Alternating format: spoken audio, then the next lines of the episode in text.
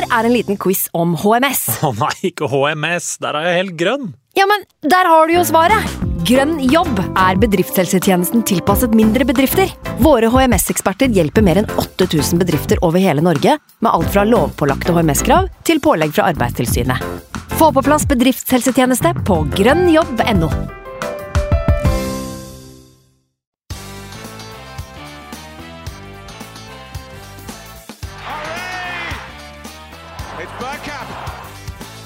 for grabs now!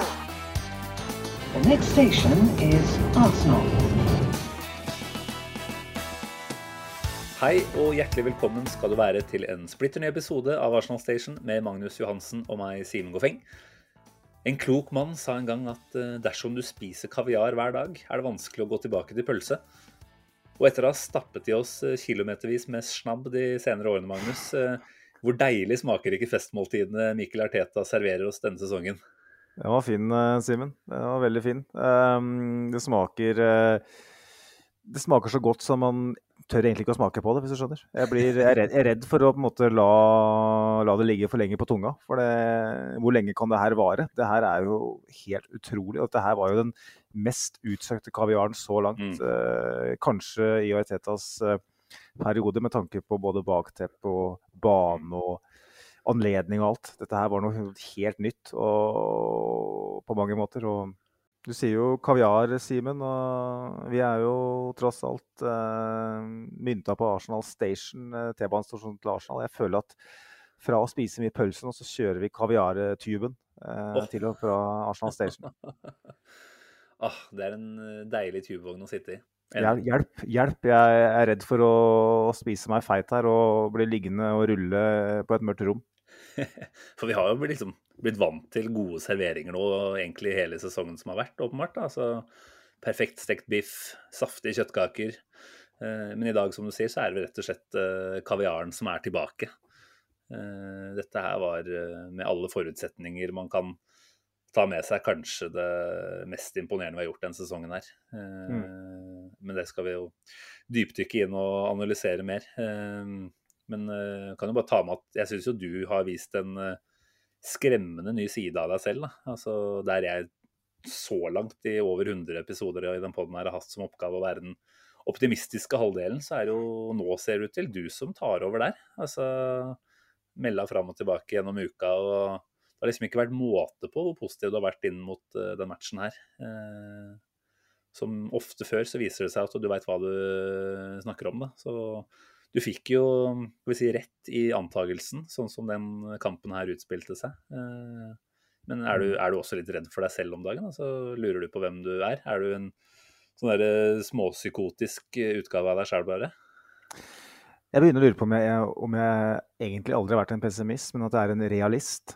Og jeg har aldri hatt grunn eh, I løpet av podkastens levetid så har jeg på en måte før nå, nesten kan si siste ukene, hatt grunn til å tro at Arsenal skal eh, levere på det nivået her, uke inn, uke ut. Ehm, det har vært en iboende skepsis der, med bakgrunn av det vi har sett og sett over lang tid, lenge før Teta kom inn og det nivået på ligaen og alt sånt. Eh, sånn at, men eh, alt det jeg har sett av Arsenal denne sesongen her, og alt jeg har sett av Chelsea Skader på, som Chelsea har. Eh, vi er fulltallige. Zinchenko liner opp på venstrebrekene. Da er alle de elleve beste i elveren. Hvorfor i alle dager skal vi ha problemer mot det laget her? Vi er et bedre fotballag enn Chelsea på alle vis akkurat nå. Eh, så det, for meg så er det åpenbart at Arsenal skal vinne den fotballkampen her. Eh, og vi burde ha vunnet større enn Ja, ja. det vi gjør. Og jeg må jo si det, da, Simen, at du har jo treffet på flere forhåndstips enn meg foran for denne sesongen her, så langt. Men den negati negativiteten, vil jeg ikke si, men den pessimismen du har eh, vist en del, den Jeg tror det er du som er redd for å spise kaviar her. fordi du gikk hardt ut og meldte andreplass. Og nå leder vi Premier League etter 13 runder og har vunnet 11 matcher. Mm. Og storspiller borte mot Chelsea. Eh, og vinner kjempefortjent. Eh, og foran kampen så er det sånn Nei, jeg tror Pet Potter tar det her, altså. Jeg tror det blir et Potter-stikk, liksom. Og så, hvordan, hvordan, jeg får ikke det til å gå opp, da. Den positiviteten Nei, foran sesongen eh, kontra det her. For det er mye større grunn til å være positiv nå Ja. enn i august. Og jevnt over så er jeg det, ikke sant. Eh, altså, hadde du spurt meg foran veldig veldig mange kamper denne sesongen, her, så har jeg vel stort sett uh, gått inn med en veldig god følelse. Og det var jo ikke at den i og for seg var borte. Men litt med, som du sier, Potter, som har vært en slags nemesis for Arteta.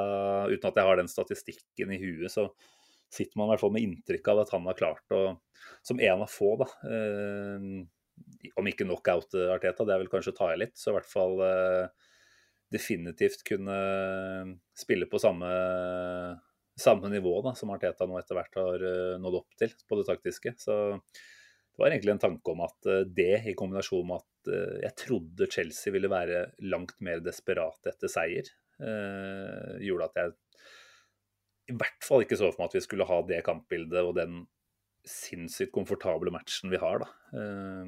Jeg var veldig positivt overraska når Chelsea gikk ut av startblokken og rusla Altså, det var liksom ikke noe som tyda på at dette var en eh, må vinne-kamp i, i, deres øyne. da.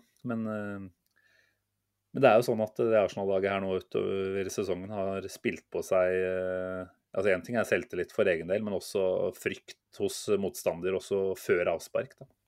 Og den respekten Chelsea viste oss, den kan man jo kanskje si var overdreven, men det er jo noe vi har fortjent. Så ja, nei, altså jeg, jeg, turte rett og slett ikke. Jeg tror det er det det går på. da. Å tro at det skulle liksom bare fortsette å gro videre opp mot himmelen, uh, det vi har sett som har vært så bra denne sesongen her. Jeg ser liksom for meg at uh, alle, også kjempegode prosjekter, får en liten bulk her og der. da. Vi hadde en mot Southampton. har liksom vært i en litt sånn småtung periode, selv om Eh, Forest forrige helg var kjempebra. Så så vi jo bare mot Zürich i midtuka at vi definitivt ikke er et uh, om, Altså, vi er et veldig godt uh, førsteelvemannskap, men med en gang du tar ut noen uh, av den faste gjengen der, så, så, ser det jo tynnere ut med en gang. Mm. Men jeg bare tenker jo at før vi liksom går løs på, på matchprat og sånn, så mm. Unnskyld så er det ingen tvil om at spillere og lag av og til tror på sin egen hype. Men det er også sånn at spillere og lag tror på narrativet som blir malt over tid, som ikke nødvendigvis er positivt. Eh, alle som spiller i Arsenal, har spilt i Arsenal eh, de siste sesongene, vet at alle sitter og venter på at de skal rote det til i sånne kamper. Venter på at at denne eh, perioden her skal ende i den klassiske kollapsen med stortap borte mot topplag og masse straffespark og røde kort og alt det der. Men nå, har, nå er den gjengen her i ferd med å endre narrativet rundt hele fotballklubben Arsenal. Eh, Ariteta sa i dag at fansen har eh, løfta klubben. Og det, det, det, er jo fri til fansen, og jeg liker det, men det er jo, det er jo Arteta spillerne her som har har løfta det her prosjektet, som, eller prosessen, eh, som gjør at, eh, gjør at, uh, at, fansen er så, såpass på lag. og nå begynner omgivelsene å se Arsenal i et nytt lys. og Det gjør òg at troen rundt hele klubben løfter seg. og Da kan man gå inn i en bortekamp mot Chelsea og føle seg selvsikker. Det er ikke tilfeldig ja. at vi går sånn i dag. for For et Nei, år siden så hadde vi gått i den kampen og, og vært usikre. Som, ikke bare som elleve spillere på banen, men som en hel fotballklubb vært usikre. Mm. Nå går en hel fotballklubb inn, spillere, støtteapparat, fans, og tror på at vi skal vinne mot Chelsea. At vi mm. forventer nesten at vi skal vinne mot Chelsea. Det gjør noe med troa. Mm. Eh, så det tar tid å, å endre mindsetet mindset i en fotballklubb. Og Arteta sin prosess den er langt fra over, men den er så på god vei nå mm. at nå er det kun Anfield og Etiad jeg frykter i den uh, divisjonen her. Mm. Ja, vi fikk jo et ganske klart hint på Old Trafford for uh, et par måneder tilbake om hva vi på en måte har potensial til å få til på, også på bortebane. da. Hadde det ikke vært for at uh, Partey ikke var med da, så hadde vi jo fort kunne dratt i land uh, en seier den dagen også. Nå var han med, uh, vår kanskje viktigste spiller. I dag vår beste spiller, i mine øyne. Vi skal sikkert snakke veldig mye om han utover, utover den episoden her. Men ja, jeg tror du har et veldig godt poeng om at det er rett og slett en Det er en endring som skjer nå, eh, som har skjedd over tid. Eh, og en borteseier på Stamford Bridge har vi jo på en måte blitt ganske godt vant til, men under andre type omstendigheter. Da. Altså, da vi vant der i fjor, så, nei, i årssesongen. i forrige sesong, altså. Ja. Så, så var det vel en kniven på strupen-match for vår del, for i det hele tatt kunne henge med i en topp fire-kamp, ikke sant. Mens Mm. eh, Chelsea var ganske godt plassert der. Det var liksom sånn sett mye på spill, da, men, eh, men på et helt annet nivå. Det vi gjør i dag, er jo rett og slett å se at vi blir nok en gang eh, forbipassert av City på tabelltoppen dagen før. Og reiser til en av de tøffere bortebanene i, i ligaen, hvor de vel ikke hadde tapt ennå denne sesongen her.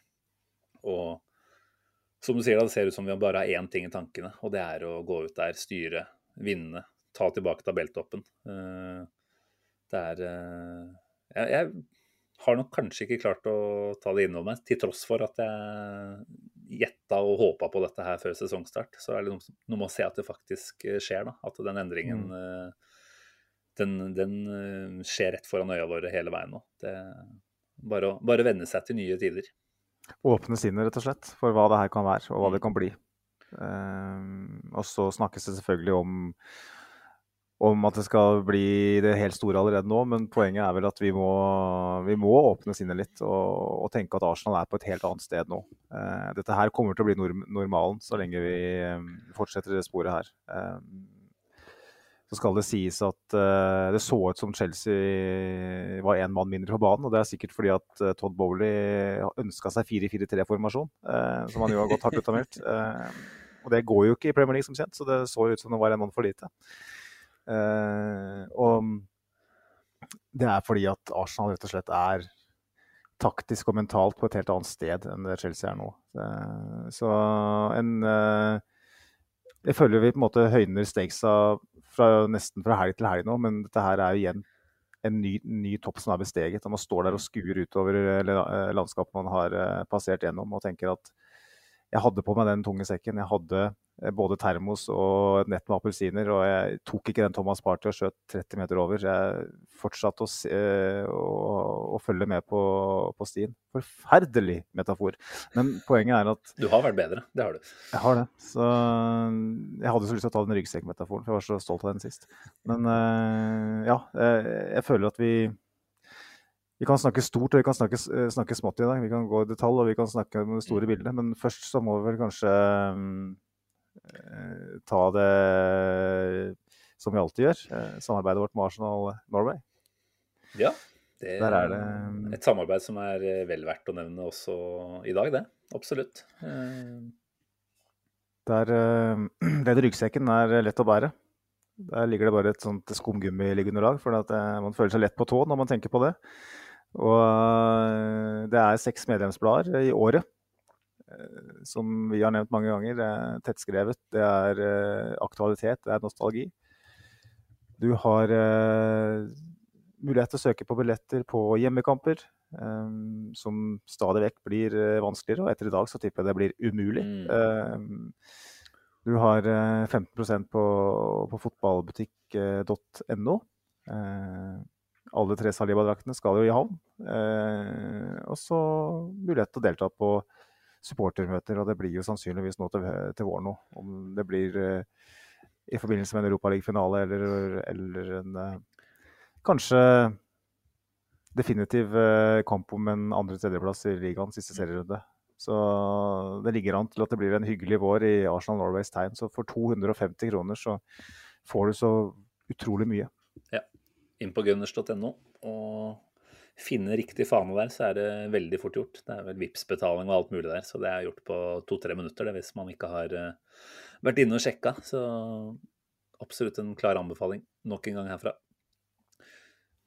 Yes, um, Da er det vel på tide å begynne å snakke enda mer om matchen. Ehm, mer på makronivå. Ehm, lagoppstilling og nøkkeløyeblikk og alt det vi pleier å være innom. Vi starter jo som kjent med lagoppstilling, Simen. Ehm, Der var det jo bare hyggelige overraskelser, var det ikke det? I dag? Jeg er litt overraska. Altså, vi hadde jo med Zinchenko i Europaligaen på torsdag. Han var vel nesten på vei inn der på et eller annet tidspunkt, men kom aldri inn. Eh, Men jeg vet ikke hvor lenge han hadde vært ute nå. Det er, vi snakker vel en eh, fem-seks uker eller noe sånt, eller? Det virker i hvert fall lenge siden. Tottenham Eh, hjemme var vel Ja, det var den, ja. Det var det vi snakka om, og det er jo da fem uker. Mm. Mm. Så veldig glad for at vi hadde han tilbake. Litt overraska egentlig at uh, han gikk rett inn. Men så er det noe med det kampbildet man ønsker, da. Og det er jo åpenbart. Eh, når man setter Zinchenko inn der, da, da skal man kontrollere.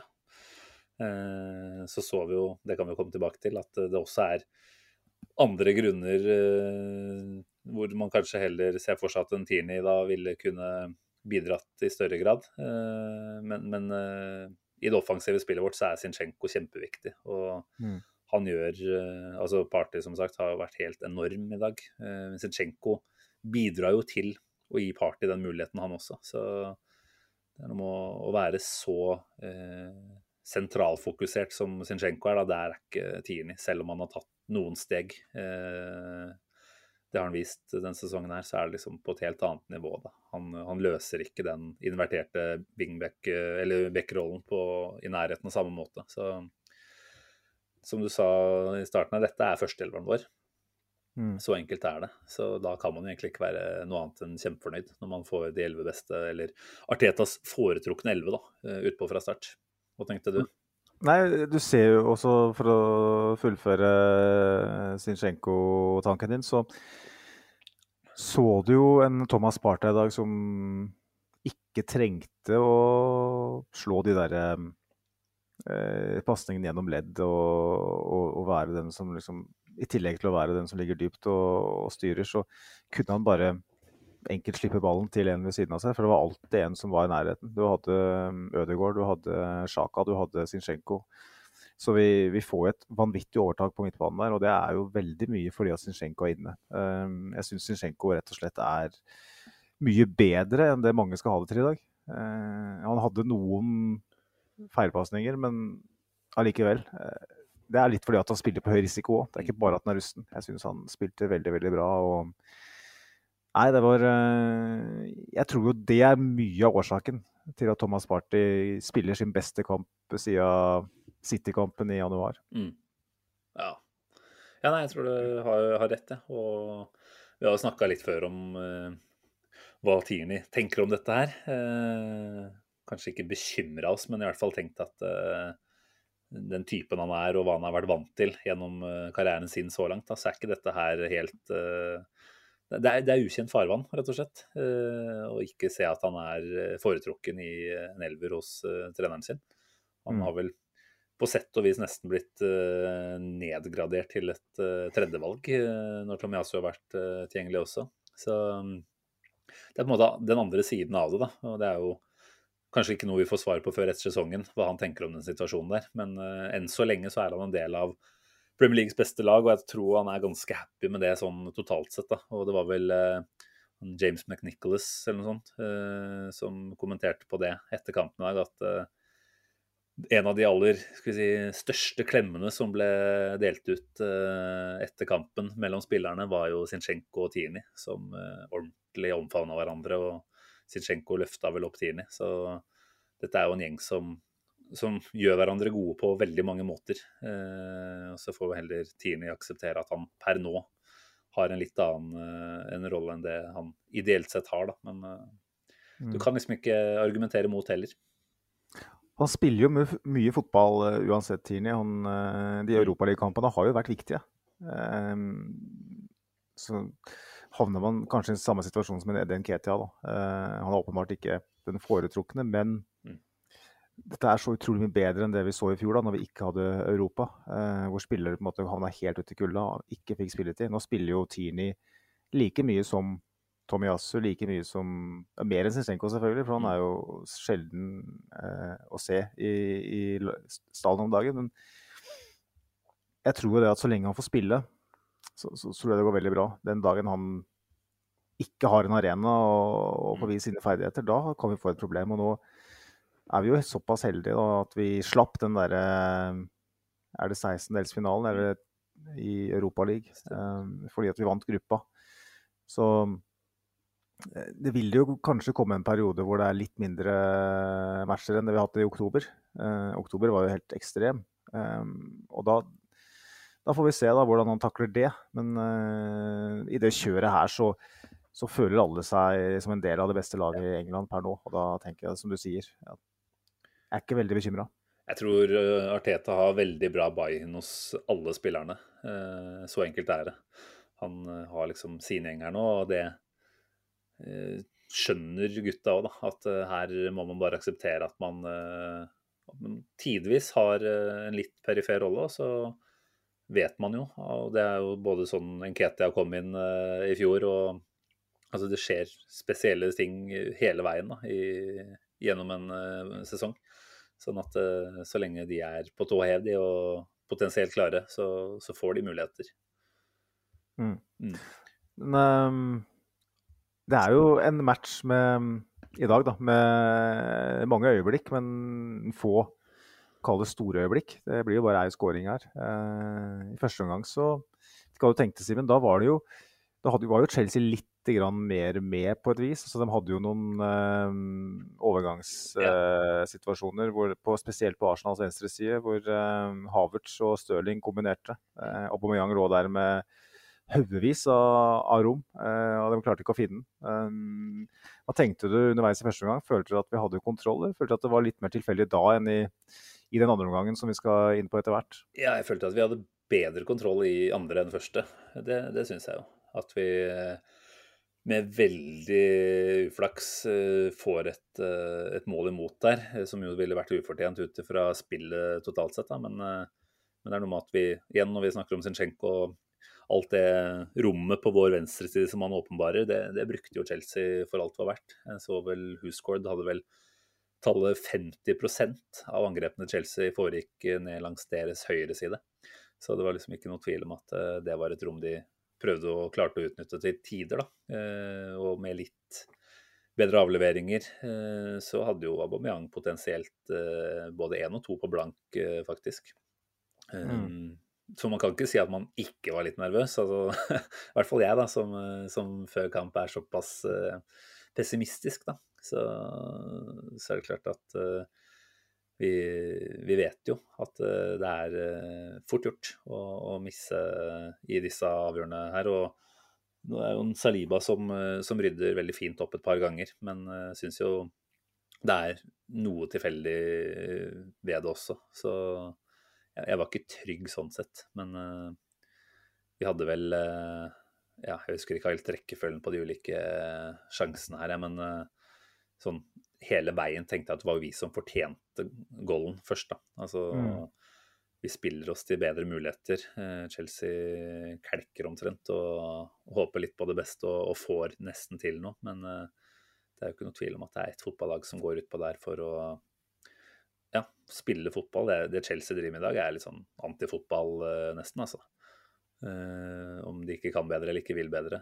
Men ja, nei, vi kommer unna, da. Og da er det vel er det Jesus som får vår første store etter det helt elleville angrepsspillet hvor vi leker oss ut bakfra. Har vel en sekvens der på tre eller fire spillere rettet hverandre som kjører én touch, eh, før Sjaka eh, en sånn halvveis piruett eh, får dratt med seg ballen et stykke fram. Da.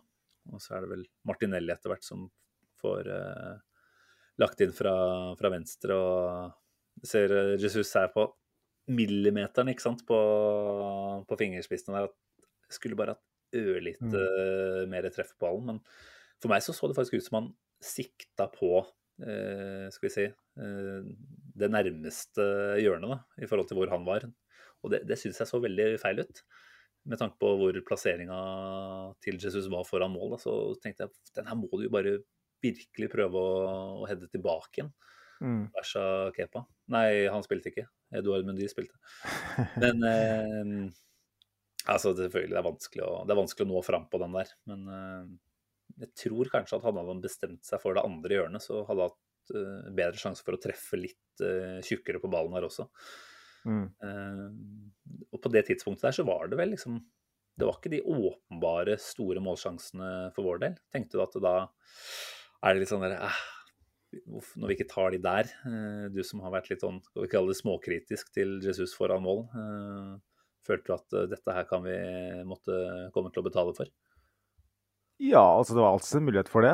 Jeg tenker først jeg kan jo si litt om om overtaket vi hadde eh, sett i forhold til hva vi skapte. For det, det var den ene store sjansen som du nevnte. Eh, men det var utrolig mye sløsing. Eh, en del skudd som Apropos ryggsekk med termos og appelsinnett, så var det noen som virkelig prøvde å treffe London Eye eh, et par ganger der. Og litt sånn ufarlig skudd fra langt hold. Det var baller som ble sluppet gjennom hvor, hvor, løpet ikke gikk. Det var dårlig rytme offensivt. Flere lange baller, spesielt fra venstresida, som gikk for langt. Det var masse rom og plass, og vi hadde et massivt overtak, men vi klarte liksom ikke å få det offensive til å, å skli, for alt det andre var veldig bra. Mm. Eh, og når vi da har snakka om Gabriel Jesus på den poden her, da, så har vi snakka om at vi skaper et så stort volum av muligheter at vi er ikke avhengig av at spissen vår setter alle sjansene sine. Eh, for at det kommer Det er så mange som melder seg på i, i den eh, protokollen. Men det er kamper hvor, hvor det er avhengig av at den goalgateren din setter den ene sjansen. Da, eller én av to sjanser. Eh, for i alle, i alle, kamper så vil man ikke ha haugevis muligheter. Og i dag så styrer vi matchen voldsomt godt, men vi har færre skudd i dag enn det vi har pleid å ha denne sesongen. her. Vi har, vi har ofte runda 20 avslutninger, i dag har vi 14.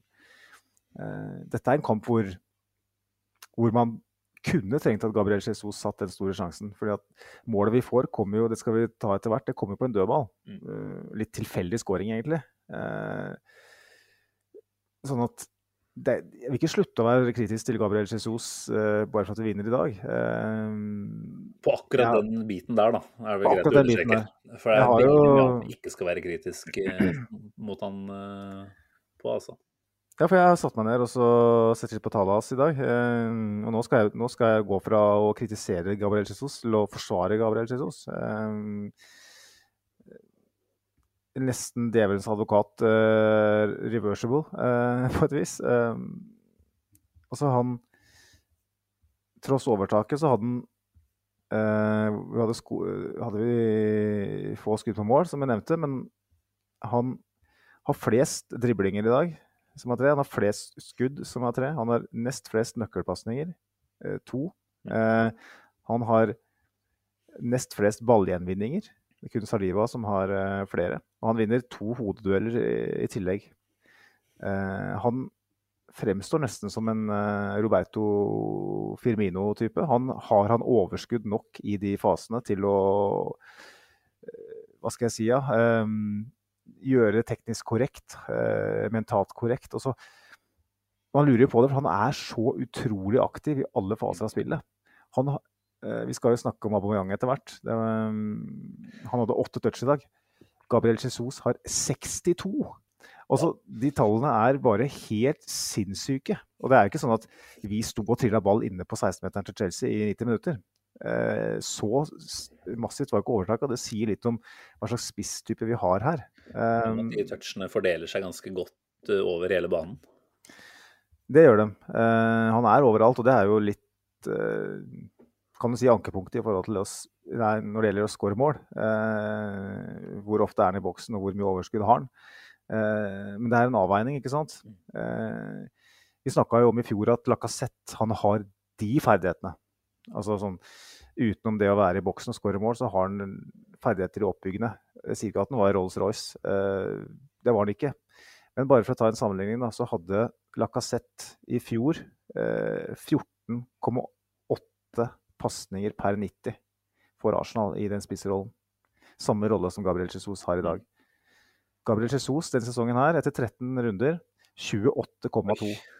Det er nesten en dobling, ikke sant? Ja, det er jo en uh, dobling. Ja. ja. det er en dobling. Uh, nå, det kommer matematiske mangler fram i lyset her, men uh, det har jo åpenbart noe å si. Når vi havner i situasjoner hvor vi må spille oss ut, så har du en spiss som er så ekstrem i det oppbyggende. Uh, ta imot ball feilvendt. Bruke balansen sin, bruke styrken sin, eh, bruke teknikken sin. Han lager jo flere frispark i dag enn noen annen nasjonalspiller, tror jeg. Og blir vel òg tatt, eh, kanskje med unntak av Saka, eh, flest ganger. Altså, altså, han er sånn, eh, et sånn aktivum som Det må jo koste noe helt sinnssykt mye å spille på den måten der. Eh, så da tenker jeg at må vi endre litt måten vi ser på Gabriel Jesus allerede nå. Og tenke at det er greit at han ikke skårer så jævla mye, eh, men da, det fordrer jo da at, at målene kommer fra andre steder. Eh, og jeg tror jo det at på sikt så tror jeg Gabriel Martinelli kommer til å bli en storskårer. Bukayo Saka kommer til å skåre mye. Eh, kan han få en sånn Firmino-rolle, Simen? Eh, hvor han bare er en sånn jævla rivjern som på en måte, Hans jobb er på en måte å, å, å legge til rette for spillere som er bedre foran mål. Ja, men jeg syns jo det er det vi har sett. Og vi, nå har vi egentlig snakka om det her i flere episoder på rad. Både du og jeg sist, og, og du hadde og Rocher på besøk eh, et par uker tidligere. Så jeg vet ikke hvor mye nytt man kan si rundt det, egentlig. Men eh, jeg har på mange måter akseptert det, tror jeg. Eh, det er klart Den der starten han hadde, gjorde at man kanskje tenkte at her er det en målskårer eh, som ja, viser seg i enda større grad enn det man ble kjent med i City. Da. Men nå kan det jo kanskje begynne å se litt ut til at det var en ordentlig god run, bare, eh, som han hadde der. Hvor åpenbart energien var kanskje enda, enda mer eh, tilstedeværende enn den er nå. Altså, skal ikke snakke ned det han holder på med nå, men da følte jeg kanskje at han var enda hissigere på å være enda raskere med inn i boks eh, etter å ha vært med i oppbygging. Eh, han er jo definitivt til stede der eh, i dag og, og flere kamper, men bare satt med en følelse at det var litt mer sprut i, i de løpene han tok inn da, tidligere i sesongen, kanskje. Jeg vet ikke hvordan sjanse Eller avslutningsvolumet hans er, om det er eh, litt lavere nå, eller om det har vært på jevnt over samme nivå hele, hele sesongen. Han hadde en liten uh, nedgang ja, han hadde jo mått, foran ja, Nottingham Forest, og da hadde han plutselig sju avslutninger. Ja, ikke så, sant. Ja. Uh, men for meg så er det ganske simpelt. altså Så lenge vi har mål andre steder, og så vil man alltid kunne si er det bærekraftig i lengden. men det er også mulig å argumentere for at det er mer bærekraftig å satse på at målene skal komme fra fem-seks spillere eh, kontra en spiss som skal skåre eh, opp mot halvparten av målene til et lag, da, som vi ser at Haaland gjør for City.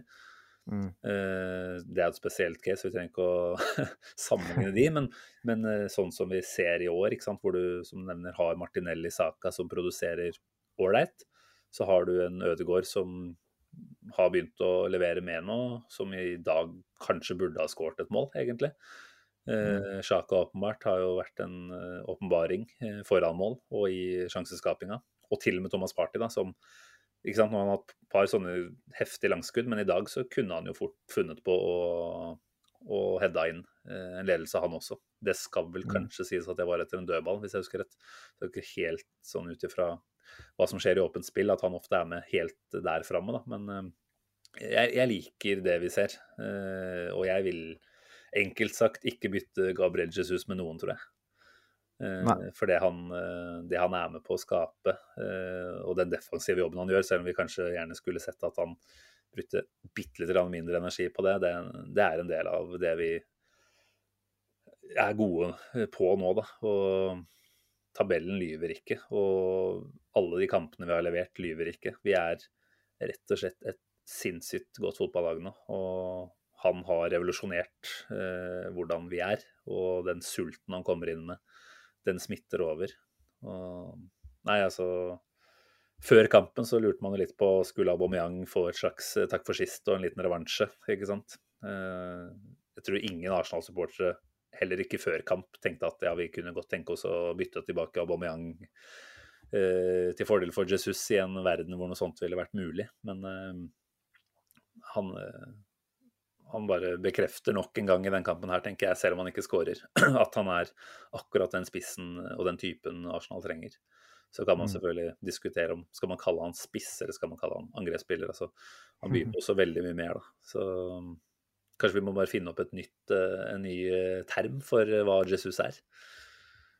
Ja, han er jo Det kan jo være jobben til lytterne foran neste episode. Hvis dere har noen fine begrep å bruke om vår kjære allmektige Jesus, så vær så god. Um, Vi har vel kanskje gjort oss ferdig med, med førsteomgangen, eh, Simen? Med mindre det er noen sånn nøkkeløyeblikk der som du har lyst til å det ta var jo, altså, jeg var jo ikke helt fair. Altså, Vi hadde jo en, år- et par ålreite muligheter til som man kunne ha tatt med. Jeg synes jo, Når vi nevner Jesus, er det verdt å nevne at han nok en gang kjører slalåm mellom tre-fire motstandere.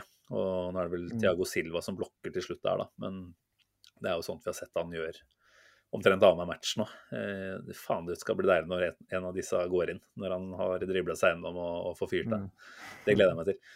Eh, så var vel kanskje den andre lille tingen som det er verdt å nevne, Aubameyangs eh, noe grisete takling på Ben White. Eh, det blir jo dratt opp et gult kort ganske kjapt. og eh, når jeg ser reprisen, så tenker jeg at det, det er greit. Eh, det hadde vært strengt med et rødt der, jeg vet ikke hva du syns rundt det. Men det var jo ikke noe tvil om at uh, Aubameyang var på alle måter på etterskudd i dag.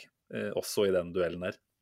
Ja, det her er ikke noe personlig mot Aubameyang, men uh, eh, jeg tenker jo at, at, at fyren uh, kanskje i for stor grad prøvde å bygge opp til et eller annet her uh, selv. Um, og den taklinga er jeg helt enig med deg at eh, ikke er rødt. Um, så satt jeg vel og snakka med deg i pausa på telefon, og så mens jeg prata med ham, så nevnte at han hadde en veldig likhet mot Crystal Palace for Arsenal eh, på Sellers Park for eh, tre sesonger siden. Ish.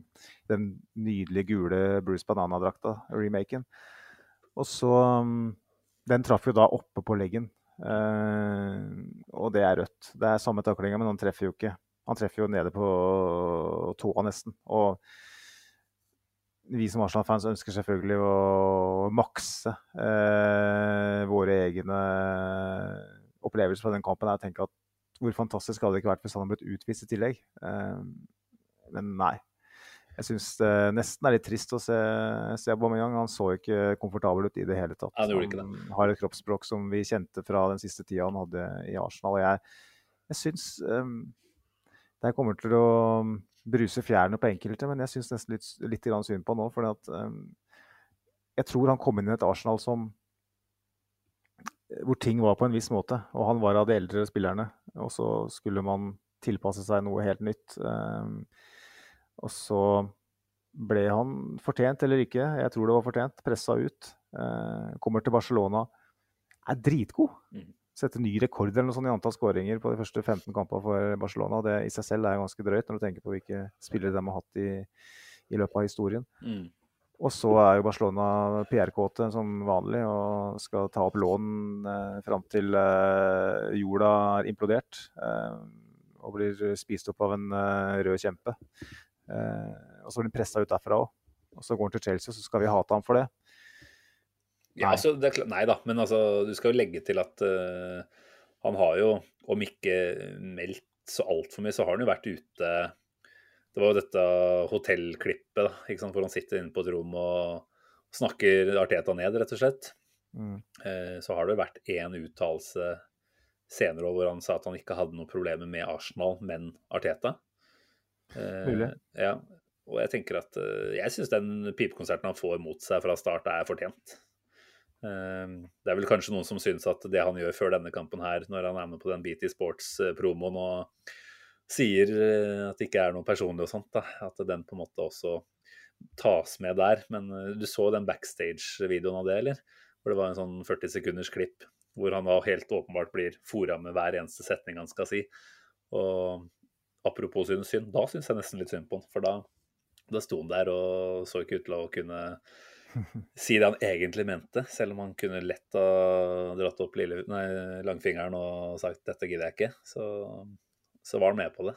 Og, Men jeg tror fyren bør være litt uforsiktig. Altså, at han For det klippet som eh, florerte på YouTube, var, hvor han kritiserte Ariteta, eh, det ble jo ifølge han selv tatt opp veldig tett opp mot Eller, eller rett etter at han gikk til Barcelona. Ok. Eh, og det virker jo ikke som det er veldig staged. Han sitter i en sofa og snakker fritt. Da han, han har fått en mikrofon i trynet eh, på en pressekonferanse, så hadde han jo ikke sagt noe sånt. Jeg, jeg, føler, jeg føler at ting blir tatt litt ut av kontekst. Jeg forstår på en måte at Aubameyang har et behov for å snakke sin, sin sak. Han, han er uforsiktig. Han var uforsiktig når han gikk til Arsenal òg, med måten han oppførte seg i, i Dortmund. Jeg, jeg har på en måte tatt Aubameyang eh, face value. Jeg, tror jeg, vet hvordan type han er. Um, jeg syns han er en artig skrue, en fantastisk målskårer, men er ikke seriøs nok til å spille for et lag som skal uh, nærme seg Manchester City i, Premier League. Og um, da er det greit at han forsvinner. Uh, jeg, jeg, har lyst til at vi skal huske litt hva han gjorde for oss i den perioden. Han, uh, spesielt den FA Cup-suksessen. Um, utrolig blid og hyggelig, artig type som tross alt uh, skåra mye mål for Arsenal. Uh, dette er ikke en van Persie-historie. Dette er en, en, fyr som aldri ville være like investert i Arsenal som oss. Han gjorde en jobb. og um, Jeg har ikke lyst til å hate Aubameyang for det. Jeg bare syns det er trist at vi har havna her. Ja, nei da. Det er fint at du slår et slag uh, for det der, altså absolutt. Men jeg står fortsatt ved at jeg syns altså i den grad en pipekonsert og buing på en måte, det er jo bare en del av uh, standard kutyme uh, når du har spilt for, uh, for, eget lag og bytter til en av hovedrivalene. Så det, sånn sett syns jeg det er fortjent uansett, da. Men Og hatet Altså, jeg har ikke sett så mye hat. Jeg ser mange som kanskje er litt der du er. Altså akseptere at han er ikke av et sånn type kaliber som skulle tilsi at man kunne ta et steg videre med han. Og sånn som fotballverdenen ser ut nå, med oss i uh, førersetet i Premier League, så, så, er det veldig lett å være Arsenal-supporter og akseptere at han er et helt annet sted. Uh, den blå delen av London. Så, mm. Men ja, nei, noe hat er liksom ikke registrert. Nei, det er, et, det er et sterkt begrep, selvfølgelig. Også, nå bare datt det ut av meg, men altså Jeg hadde nok ikke pipi på han nei. personlig. Nei. men det du er en stor og ålreit eh, kar, så Sa han som brant drakta til van Persie på Kveldsnytt i 2012. Men det var men veldig fortjent, så det, det trenger Ja, ja men det er bare det at, eh, det er bare det at liksom Jeg syns det er viktig at vi ja. setter den riktig bås her, da. Ja. Nei da. Ja da, det er ikke samme sted de to hører hjemme. Absolutt ikke. Eh, men tilbake til kampen. Det var vel ikke så veldig mye mer enn det i første omgangen som vi må innom. Uh, annet enn vi kan si at altså Ja, det er eh, Jeg vet ikke hvordan disse touchene til Party fordeler seg. Han var jo uh, egentlig like god kampen igjen, men det var et eller annet med måten han tok ansvar på. Han, det var ikke sånn at han ikke fikk eh, motstandere tett oppi seg. Altså Det å spille sekserrollen i, i Arsenal og den måten vi skal spille fotball på, det er en, det er en jobb, altså. Det har uh, andre spillere fått sett. Uh, og hvordan han løser den fra starta, det er liksom kanskje med på å uh, ja, gjøre Chelsea etter hvert mer og mer uh, Skal vi si De mister troa, rett og slett. da. At her, her, er det rett og slett en spiller som har en maksdag, og som treffer på Jeg vet ikke om han traff på alle pasninger, det gjorde han vel ikke, men, uh, men, det føltes ut som nesten alt han forsøkte på i den kampen her funka. Altså Han fikk vente opp i hver eneste situasjon. Han hadde vel kanskje én ballmiss uh, når vi skulle framover på et tidspunkt, men alt han gjorde omtrent, var, eh, var så bra, da. Og jeg tror vi måtte psykologisk sett, uh, om vi ikke vinner kampen i første gangen pga. det, så, så tar vi et liksom stort uh, jafs da, av Chelsea sin om ikke den selvtilliten er så høy, så blir den i hvert fall ikke noe, nei, noe større når Party er utpå der og sjefer sånn som han gjør. Det er eh, Fleskspurven, uh, som uh, er en, igjen bidragsyter for oss på Twitter. der, Han skriver jo at party er som å se Vieira i glansdagene, og det er utrolig store ord. Mm. Da skal man sitte i et rom med litt sånn romlyd med høyt under taket og si, med et sånn svart hette over seg. for det er, det nesten farlig å si. Men jeg forstår hva han mener. I dag så slung, drev og sjonglerte ballen over hodene på midtbanen på Chelsea-spillerne. Mm. Det har jeg ikke sett noen gjøre for Arsenal siden Patrick Vieira. Dette her var um, en helt utrolig prestasjon. Og når du sier pasningstreff og sånn, så han hadde jo klart uh, høyeste uh, prosent i dag, 93. Han var såpass, ja. Uh, de andre lå på midten av 80, så han var ganske klart foran de andre. så det bekrefter jo øyetesten du refererer til. I dag så var han Jeg var enig med deg at han var man of the match. Eh, selv om min favorittspiller i Arsenal per nå fikk en. Og det er greit for meg, men Det er også greit. Det var ikke, det var ikke veldig feil, men uh, nei, sorry. Fortsett. Så, så skriver jo Håkon eh, Førresdal, som jeg kjenner godt, uh, på Twitter, at eh, det virker som Party hever seg flere hakk i toppkampene. Kanskje han Ja. kjeder seg mot uh, lettere motstand. Og jeg nevnte jo den City-kampen i januar. For meg som igjen, det er den soleklart beste kampen jeg har sett av en midtbanespiller i Arsenal på sida Viera, kanskje. Da var han helt utrolig. Men han var god, og veldig, veldig god i dag òg. Hva, hva, hva tenker du om det? Altså, er det, er det bekrefter det du tenker òg, at han er ekstra god i toppkampen, eller er han, syns han er vel så god i hele veien her? Det er kanskje lettere å på en måte legge merke til inn i toppkampene. Altså er? Jeg vet ikke om det blir helt riktig heller, men eh, jevnt over så har vi vel sett at han har vært god så lenge han har fått noen matcher og klart å kunne spille seg i form. Eh, problemet har jo vært at de periodene har vært litt for korte. Mm. Eh, men jeg tror nok ikke det er, det er feil det Håkon uh, Førisdal sier her, altså, om at eh, han tar enda et lite steg eh, opp fra, fra sitt vante nivå når det er stormatcher. Det, vi har jo ja, City-kampen selvfølgelig, men også begge hjemmekampene nå mot Tottenham og Liverpool var noe med å, og styrte i. Og jeg klarer vel uh, ikke å se noen uh, defensiv midtbanespillere som er bedre enn han i, i ligaen per nå. Og da er det ikke bare fordi han er god i, i toppkampene, da er det fordi han er god hver eneste kamp han spiller omtrent nå. Jeg vet ikke om Mm. eh, who score ratinger og sånn backer det der, men eh, som sagt, altså, så lenge han på en måte har i hvert fall fått et par-tre kamper i beina, da, så, så er han oppe på et skyhøyt nivå nesten hver eneste kamp, eh, så vidt jeg ser. Men det er klart vi, vi trenger han kanskje i litt mindre grad i den DM-rollen eh, i de kampene hvor vi styrer enda mer, da. Mm. Eh, selvfølgelig kan du si at han styrer, men han får ofte mer synlige pressituasjoner på seg når vi spiller mot bedre lag. Og sånn som i dag, da, når han som du sier, happer ballen over. Det er vel et par eh, uten, altså flere touch på ballen her uten at den er i bakken, og hvor han er Mm. over flere Chelsea-spillere i samme slengen. Eh, da blir det veldig, veldig synlig. Og nei, i dag så gjorde han alt, alt perfekt omtrent. Og det, det er eh, rett og slett så gøy å se.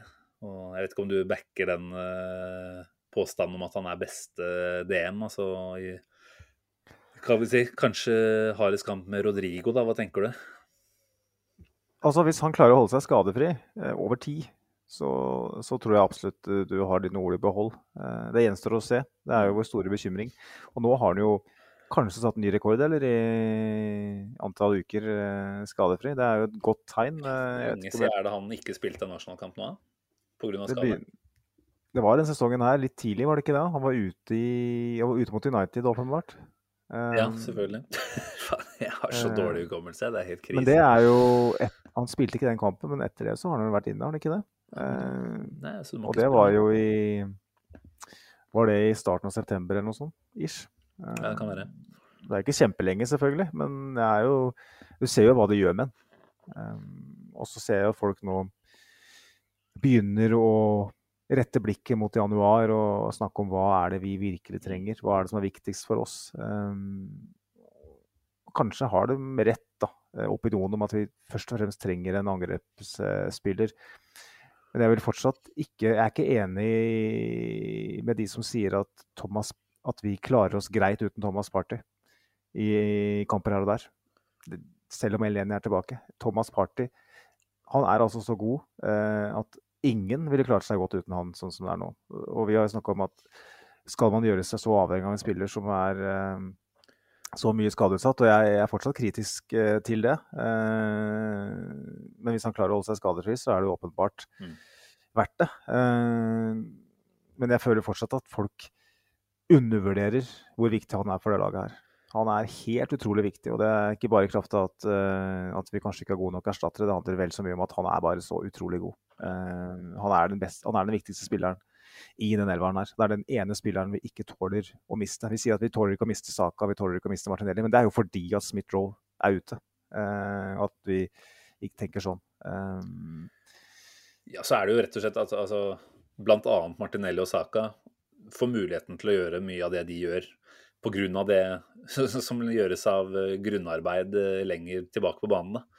Og vi kan selvfølgelig starte helt tilbake til en Ramsdale og, og stoppere og bekker, men Det er klart eh, ankeret på midten der uh, muliggjør veldig mange av de andre offensive spillernes eh, roller. Da, den, altså Sjaka selvfølgelig kan vi snakke om at han, at han kan være den han har vært denne sesongen her.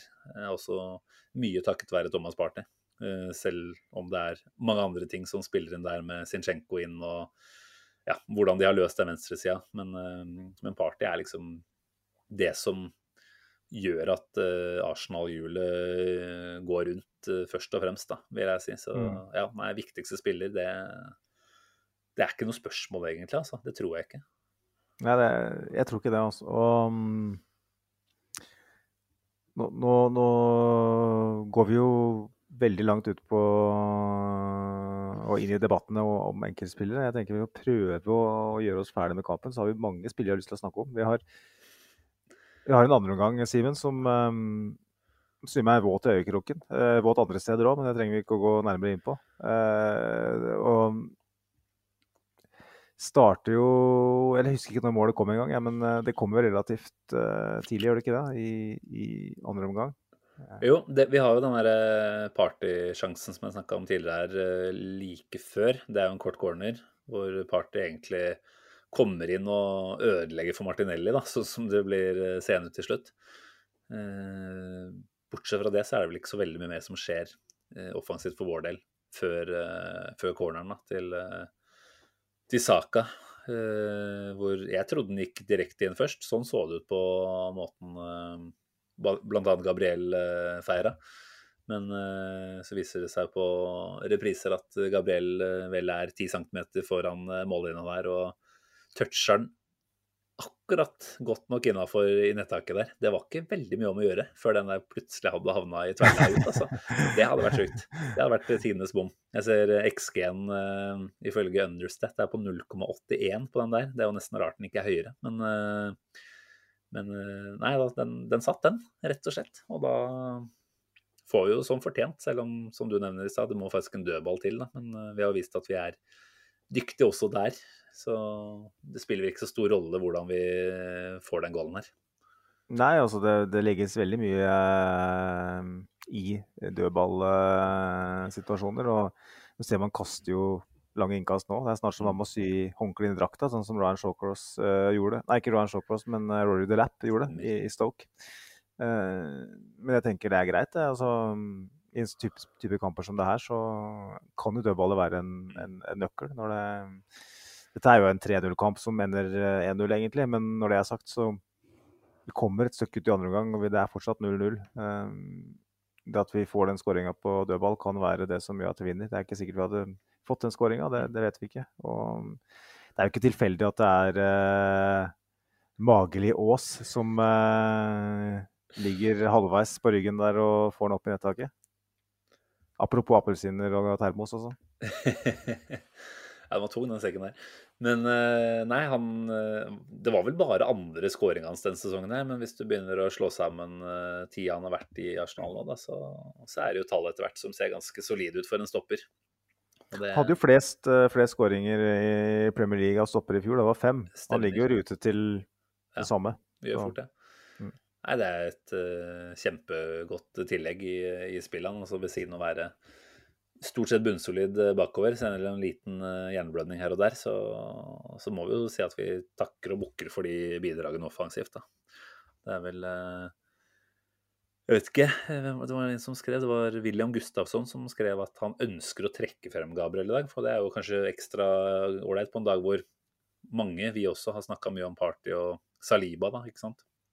Men at uh, mm en Gabriel som har fått en del tyn, som William skriver.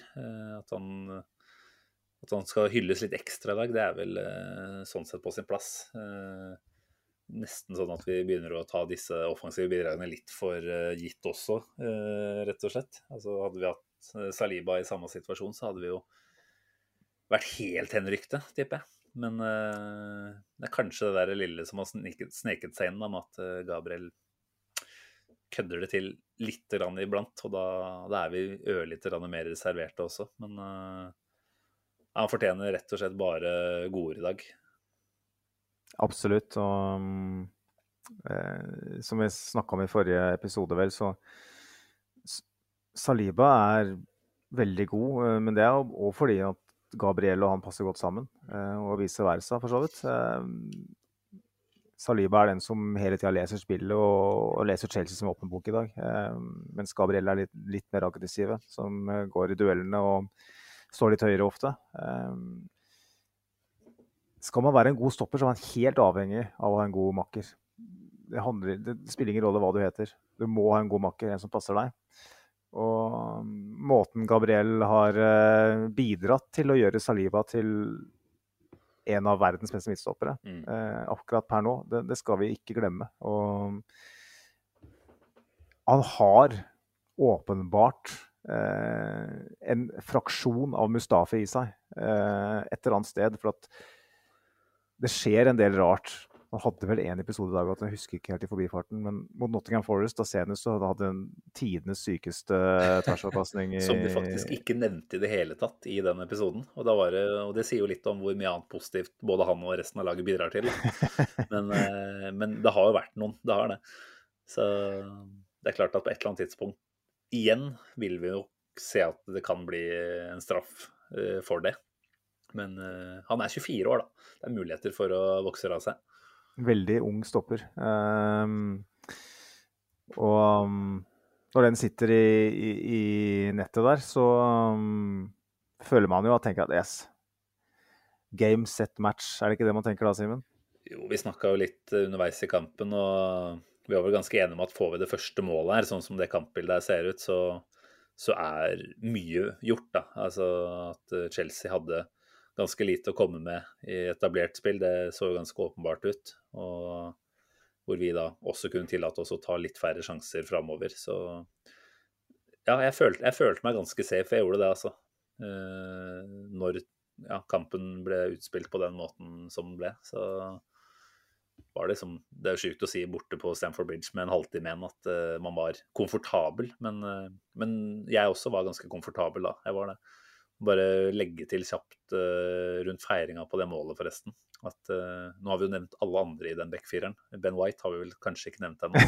uh, nydelig kamp uh, for øvrig. Altså Nok en gang så er han 7,5 til 8 av 10. ikke sant? Han er så jævlig god på høyrebekken. Uh, men uh, jeg regner med at du også har sett den lille videosnutten fra, fra feiringa der, hvor eh, Ødegaard eh, løper mot fansen, mens eh, alle andre Arsenal-spillere løper litt lenger bort. Og da tapper rett og slett eh, Ben White ballen i bakhuet på, på Ødegaard. Vet ikke om du sett fikk med deg den? Ja, fin. Det er jo på kapteinen nå. Eh, han fyren der, han, For en fyr. han, er en jo, han er joker, altså. Det er liksom en eh, Se for deg han og Ramsdale og ei helg i Ibiza, liksom. Eh, sammen med oss to. Snakker Snakke litt fotball. Møter gjerne de på byen. Det, det hadde vært artig. Arteta sa det vel etter kampen. I love Ben White. Enkelt og greit. Ja, han gikk langt, han gikk langt, gjorde han ikke det? Han sa sånn I love that boy. Ja, det var det han sa. Ok. Det er sje- sjeldent langt å gå når man snakker om spillerne sine. Så det er åpenbart en liten, en eh, liten slipp der fra Arteta. Han eh, klarte ikke å dy seg når han snakka om Ben White. Nei. Nei, se på mannen, da. Det er ikke rart. Det er ikke rart. Nei, men eh, ja, du da, etter målet, var du også ganske trygg på at dette her klarer vi å ikke ro i land, men i hvert fall eh, hente inn? Man er jo aldri helt trygg eh, fordi at man har eh, historien som bakteppe, men eh, jeg tenkte at basert på hva jeg har sett av Arsenal denne sesongen her, og basert på det jeg har sett av Chelsea og den kampen her, eh, ja, det her skal vi ta. Og jeg er bare så ut Min favorittdel av den kampen her er det som skjer etter 1-0. Mm. Når vi bare rett og slett bare fortsetter å styre kampen. Fortsetter å stå høyt, vinne ball, stå på riktig sted hver gang. Martin Ødegaard snakker vi ikke mye om, men Mm. utrolig flink han er til å lede presset fra sin, sin rolle på midten der. Mm. Og en Ben White som du nevner, som, som også bidrar i, i den fasen som går inn i, i midten der. Og så har du liksom den forsikringen bak der som du bare vet at hvis Broja eller Havertz eller hvem det måtte være prøver å gå på en løpsduell eller en fysisk duell, så har de ikke sjans. Mm. For at Saliba har tatt ut de meterne. Han er raskere enn dem, han er sterkere enn dem. Eh, Det var så god kontroll. Også når i tillegg du ser at Arsenal kan være så kyniske eh, som når hva skal jeg si, ja? Eh, han som er den heteste poteten i Premier League, er han omtrent. Granit Xhaka kan kalkulert gå, gå løs på han Shaloba der og bruke ett og et halvt minutt på bare kødd. Uten kvelertak, uten headbutt, uten slag. Ja. Uh, altså, snakk om å, å, vokse opp som uh, fotballag. da. Mm. Og tross alt det yngste laget, vel kanskje med unntak av Southampton i Premier League. Litt usikker på hvordan den balansen er, men det er ett av to av de yngste lagene i Premier League. Og så er man så kjølig i en sånn fase. Bare Chelsea har egentlig ikke sjans. De har jo ikke det. Altså, de har jo ingen sjanser. Altså, eh, XG-en til Chelsea i andre gangen totalt sett var 0,05. Eh, jeg vet ikke hvor mange av de promillene der som dukka opp eh, etter målet vårt, men det var jo åpenbart ingenting de hadde å komme med. Altså noe, noe trykk eh, mot slutten, det var jo aldri i nærheten av. og Det syns jeg bare var helt fantastisk å se Stanford Bridge-publikummet bli mer og mer frustrerte. og Etter hvert var de vel ganske lydhøre i buinga av, av, det laget sitt. Ikke, at de ikke klarte å få til noe mer framover. Eh, Se Potter etter kampen sier at han var stolt av innsatsen. Eh, altså Fra mitt litt utrente øye så så det jo ikke ut som det var så mye innsats, men det sier jo mest sannsynligvis alt om hva Arsenal gjorde for å kvele dette her, da. Mm. Så det er jo liksom en sånn type kamp som gjør at man bare begynner å tenke at dette er virkelig så gode vi er den sesongen her. Eh, ja. ja. Vi skulle ha vunnet i hvert fall med et mål eller to til. Det hadde gitt et veldig mye riktigere bilde av den kampen her. Eh. XG-en sier vel Unnskyld. Uh, den sier vel da 2.38 til Arsenal og 0.28 for Chelsea. Da. Så det var jo nærmere 3-0. Det var jo en 3-0-kamp, som vi nevnte. Mm. Chelsea var aldri i nærheten. Og det er jo den laveste XG-en Chelsea har hatt denne sesongen. her. Uh, og det er òg den, den, høyeste XG-en imot dem har hatt på hjemmebane. Uh, sånn at det her var årsverste fra, fra Chelsea. Både fremover og bakover, på hjemmebane iallfall. Og, og snakke om at det er fordi at Chelsea er skadeskutt og fordi at de ikke har energi i spillet sitt og ikke jobber hardt nok. Nei, det, det, handler ikke om det, det handler om at Arsenal akkurat nå er på nivå med Manchester City. Og igjen, altså, altså Chelsea, bare for å ta den altså Potter-epoken, hvis man kan kalle det det allerede, den har jo egentlig vært prega av mye gode resultater. Eh, så fikk de seg en uh, kjip nå mot Brighton. Uh, hjemme da, tidlig kickoff, mulighet til å ha hjemmepublikum i ryggen. Reise kjerringa igjen når naboen fra samme by kommer på besøk. Det er klart, alle omstendigheter sånn sett ligger til rette for at Chelsea skal komme ut og være, om ikke knallgode, så i hvert fall ha alt å by på. Da. Og som jeg sa tidligere, jeg trodde de skulle gå ut for å prøve å i hvert fall få seg en tidlig goal og, og sånn sett håpe på å vinne den kampen her, da. Men det var liksom ikke i nærheten. Og da Vi har sammenligna oss med City flere ganger denne sesongen her allerede, men nå er det vel liksom i større og større grad mulig å se at det er litt av den samme klassen vi faktisk har å by på da, når det kommer til å nulle ut motstandere. Mm. Eh, vi gjør det ikke hver gang, det gjør vi ikke. Men, eh, men jeg syns at det her var eh, Ja, det var rett og slett et nytt kapittel i Arteta-boka. Altså. Det var helt komplett, med unntak av at vi gjerne skulle hatt et spillemål også, da. Vi får komme oss videre, Magnus. Bare en liten teaser her før vi hopper videre til noen deilige spørsmål. Så kan jeg jo si at du har en X-spillerspalte igjen i dag. Det gleder jeg meg veldig til. Den kommer jo som vanlig mot slutten av episoden, så for alle som lurer på om de skal bli med hele veien, så er det ikke noe å lure på. Det er bare å kose seg videre og glede seg til hva, hva, du har kokt sammen denne gangen. Men et par spørsmål før det. Vi har fått inn mange reaksjoner på Twitter angående vår kjære William Saliba. Vi har jo snakka litt om han allerede, men tenker at vi må vi må la deg, Magnus, få et ordentlig Saliba eh, en, liten, eh, en, liten, prat om han. Det, det fortjener du. Eh, Kasper, Magic Kasper 24, skriver Saliba cruiser i hele kampen og er enorm. Mens Morten Kleven skryter av både Saliba og Party er så gode i dag at jeg nesten blir rørt. Eh, Silje Svendsen aka trygdeturin. Eh, Saliba Party var enorm i dag. Og så er det jo da også Tor Arne Vassåsen som eh, skriver at han var helt enorm i dag. Eh, skal vi se. Og i tillegg er det Ole Martin Brattberg som eh, drar den såpass langt som å tørre, å- tørre å påstå at eh, Saliba er verdens beste midtstopper per i dag. Eh, Q Magnus, hvorfor eh, er det riktig? det, er, det er store ord, det, det altså. Jeg jeg, lener meg litt på Kasper, som var første innspiller, at eh, han cruiser. Og det er nettopp det han gjør. Han reiser til Stamford Bridge. Spiller mot Mason Mount, Aubameyang, eh, Kai Havertz, og han cruiser gjennom kampen. Eh, nå har han jo hatt noen kamper da, eh, i løpet av oktober som ikke har vært like gode. Eh, det har vi snakka om i poden her, men at han er, blant, at han er ligaens beste midtstopper akkurat nå, det er ikke tvil om. Mm. Per det han har gjort denne sesongen her. Jeg har sett ganske mye fotball i Premier League denne sesongen her, og ja, selvfølgelig, man kan gå glipp av ting, da, men jeg, jeg klarer ikke å se noe som har vært bedre enn han eh, i Premier League. Eh, og så ser ikke jeg nok fotball i andre ligaer, eh, så det er vanskelig for meg å bekrefte det, men det ville ikke forundre meg om han er det. Hvordan i alle dager kan det være bedre enn det han eh, holder på med nå? Det er, det er uff!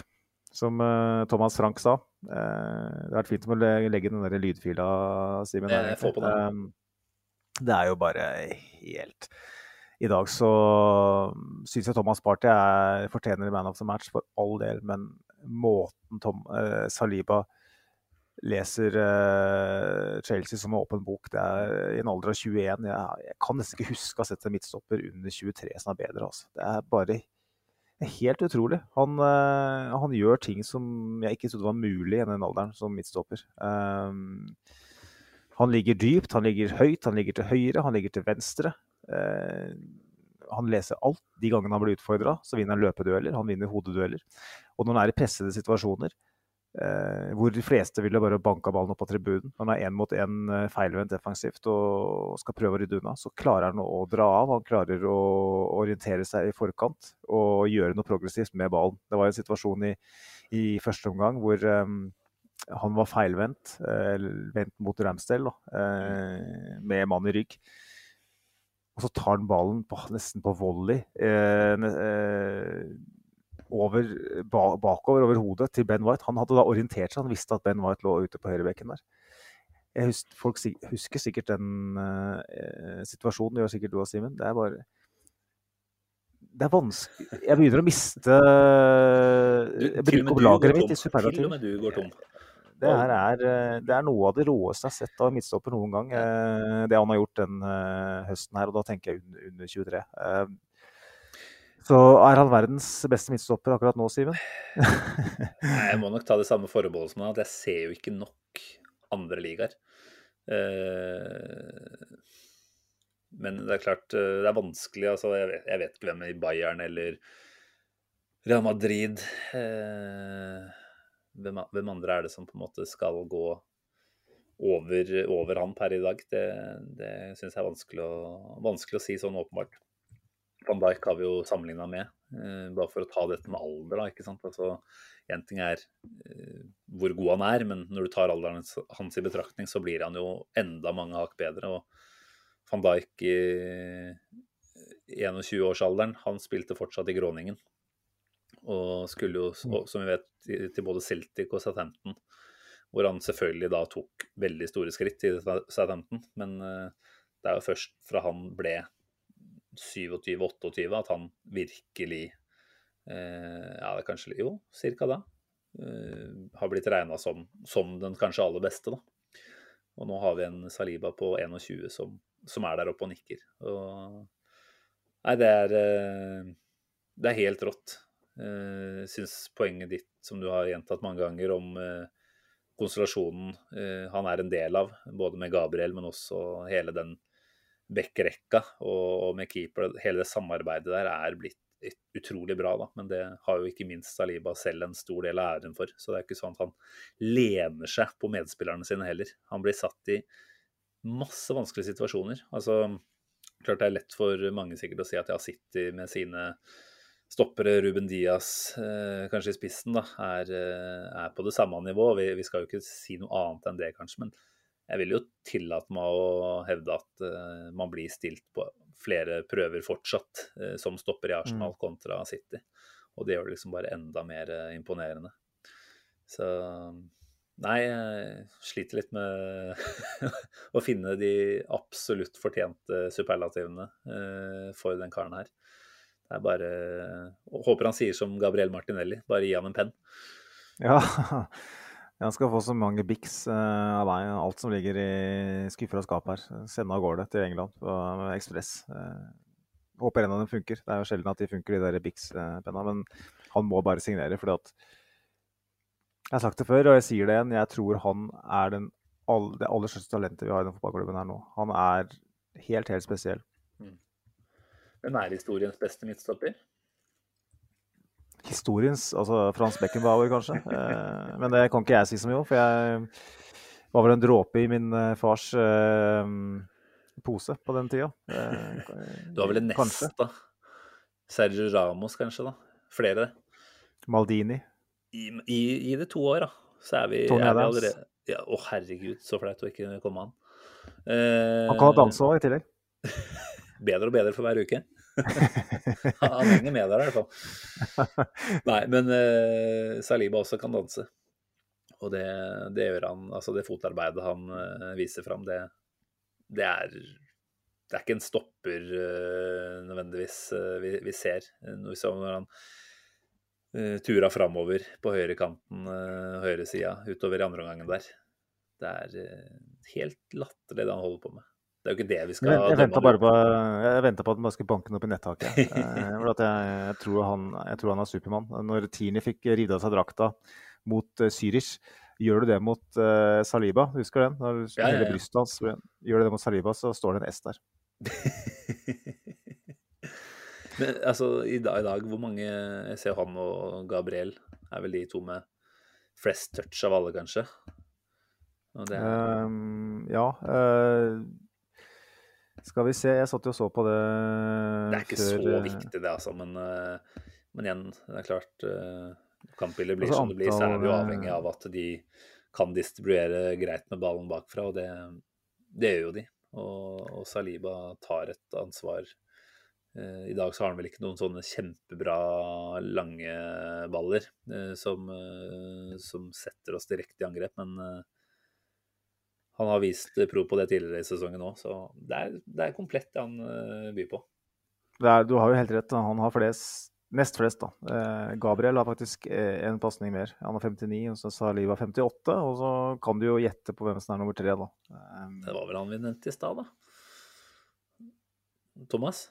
Det er riktig. Ja. Så mm, den sentrallinja der med Gabriel Chisou, som vi nevnte, som har dobbelt antall pasninger fra det vi er vant til eh, med Lacassette, og sikkert eh, åttedobbelt av eh, Aubameyang. Så det er klart at der har du en sentrallinje som eh, er så komfortabel på ball at um, føler at Arteta nå virkelig har fått sitt lag.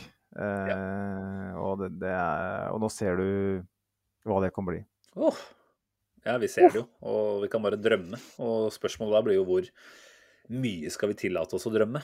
Eh, vi har jo snakka om det hele veien denne sesongen her òg. Altså, la oss ikke på en måte bygge opp altfor mye håp her, sånn at man blir skuffa. Eh, men hvor realistisk tenker du det er, Magnus, å begynne å snakke om i hvert fall en tittelkamp? Altså, vi ser jo et City som på mange måter, eh, via en jævlig slu Kevin De Bruyne, flakser seg til en eh, 2-1-seier mot Fulham. Mm. Eh, vi kjenner jo kanskje nå at vi har begynt å komme dit at vi faktisk bryr oss litt mer da, om hva eh, City holder på med. Fordi vi har kommet en tredjedel ut i sesongen. Eh, det å ha den tabelltoppen der inn mot VM-pausen, det er en liten greie i seg selv. Vi har fått innspill på det flere steder. Lars Ramstad spør på Facebook er vi en tittelkandidat, mens det er vel flere, så du får hjelpe meg her eventuelt. Uh, skal vi se Hvor ble de av? Nå har jeg mista alle På. Twitteren? Eller? Ja, For, er så, på. Eh, Bra du tok med Facebook. Uh, skal vi se her Andreas skriver oss til Andreas fra Arctic Underpod, da, som vi kjenner godt. Han skriver jo vil ikke hype tittelkamp for mye her, men det er vel god grunn til å være optimistisk. Uh, og vi har jo flere i samme, samme åndedrag her. Uh, det var synd vi ikke hadde notert det før uh, kampen, men jeg vet det er flere. Bare å beklage til lyttere som gjør en kjempeinnsats med å sende spørsmål. Det er bare å fortsette med det. Jeg ser Jonas Lundsvold, som også er en uh, fast spørsmålsstiller her, konstaterer at det er en drømmeåpning på sesongen. Det er helt sinnssykt. Ikke vekk meg opp fra denne drømmen. Det er greit. Du får tillate deg å drømme. Det var Tor Arne Vassåsen, som jeg nevnte så vidt her i stad, som også hadde kommet med Nå er det vel lov å drømme litt om seriegull. Og bortsett fra det så er det sikkert noen flere, og da beklager vi for at vi ikke har tatt med de. Men eh, drømmingen kan jo på en måte ingen ta fra oss, da. Og så er det noe med å klare å være ærlig med seg selv på at sannsynligvis så vil det fortsatt ikke skje. Men eh, vi har liksom kommet dit nå at eh, altså overgangsvinduet i januar er en kjempejoker her nå. Eh, hva vi eventuelt klarer å foreta oss på markedet da, det kan gjøre oss enda mer aktuelle enn det vi er per i dag, da. Men du som jo har tippa oss lengst ned på tabellen før sesong, Magnus. Har du lyst til å oppjustere tipset ditt litt? Jeg har sagt lenge, Simen, at, um, at, det er viktig å stå ved forhåndstipset sitt lenge. Fordi at um, sesongen er lang. Det er et maraton. de tankene man hadde før sesongen, de gjelder fortsatt. Jeg har lyst til å komme med en eksklusiv eh, avsløring her og nå på direkten uh, til deg. Det er at jeg tror nå at Arsenal kommer foran Tottenham. Det tar jeg. Det, ja, men altså, for meg så var det Jeg er jo glad for å innrømme det, for all del, men det har vært en sånn greie at um, Jeg har forventa at Tottenham på et eller annet tidspunkt skal begynne å levere, da. Men det gjør det jo ikke. Uh, jeg tror Arsenal kommer foran Liverpool. Ja, da nærmer vi oss topp to, da. Ja, men det vil si det er topp to. Jeg tror Arsenal blir på andreplass. Og, det, og når jeg sa det, så angrer jeg på det, for at, uh, jeg er så opptatt av å stå med foran huset mitt. men når vi snakker om uh, tittelkamp, uh, Simen, så um, tenker jeg at selvfølgelig skal man drømme. Mm. Det er den beste sesongstarten noensinne av Arsenal. Et Arsenal som har 13 ligatitler, uh, som har flest antall FA-cuper osv. Uh, en av de største og mest prestisjetunge fotballklubbene i Europa. Mm. Det tør jeg påstå. Og når vi da har hatt en sånn start, så skal vi fortsatt sitte og si at nei, vi kan ikke vinne.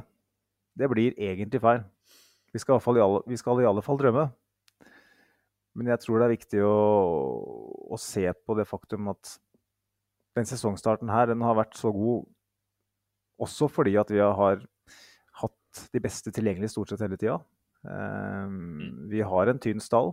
Uh, skal ikke så jævla mye til før vi er i kjempetrøbbel, sånn sett. En Thomas Party som vi snakka om. En Bukayo Saka per nå. Uh, en Gabriel Jesus. vi er sårbare. Manchester City er det ikke. Nei, det Manchester City hadde sannsynligvis vunnet ligaen uten Haaland. Det gjorde de for så vidt i fjor. Sånn at jeg tror ikke på ligatittel, men jeg tenker at vi, vi er i en situasjon nå som gjør at skulle det skje noe med Manchester City mm. Tenk om De Bruyne knekker beinet for at det er en som puster på den. Vi håper jo sånn ikke på det, da, selvfølgelig. Nei, nei, nei. nei, nei men uh, at Erling Haaland blir kalt tilbake til Bryne for å pløye for at det er god avling det ene året, eller hva faen det skal være. Whatever noe helt sykt som vi ikke kan ha forutse. For fotball endrer seg veldig fort. Så er vi i pole position, da. Mm. Vi er avhengig av at planetene liner seg opp i rekkefølge. Men hvis de gjør det, så er vi det laget som er best posisjonert til å vinne ligaen. Så um, jeg tenker at um, i den grad det er en uh, gullstrid i år, mm. så er vi inn. Ja, kan ikke si noe annet. Jeg er helt, eh, helt enig. Eh, jeg tillater meg å si at eh, vi vinner ikke ligaen. Bare for å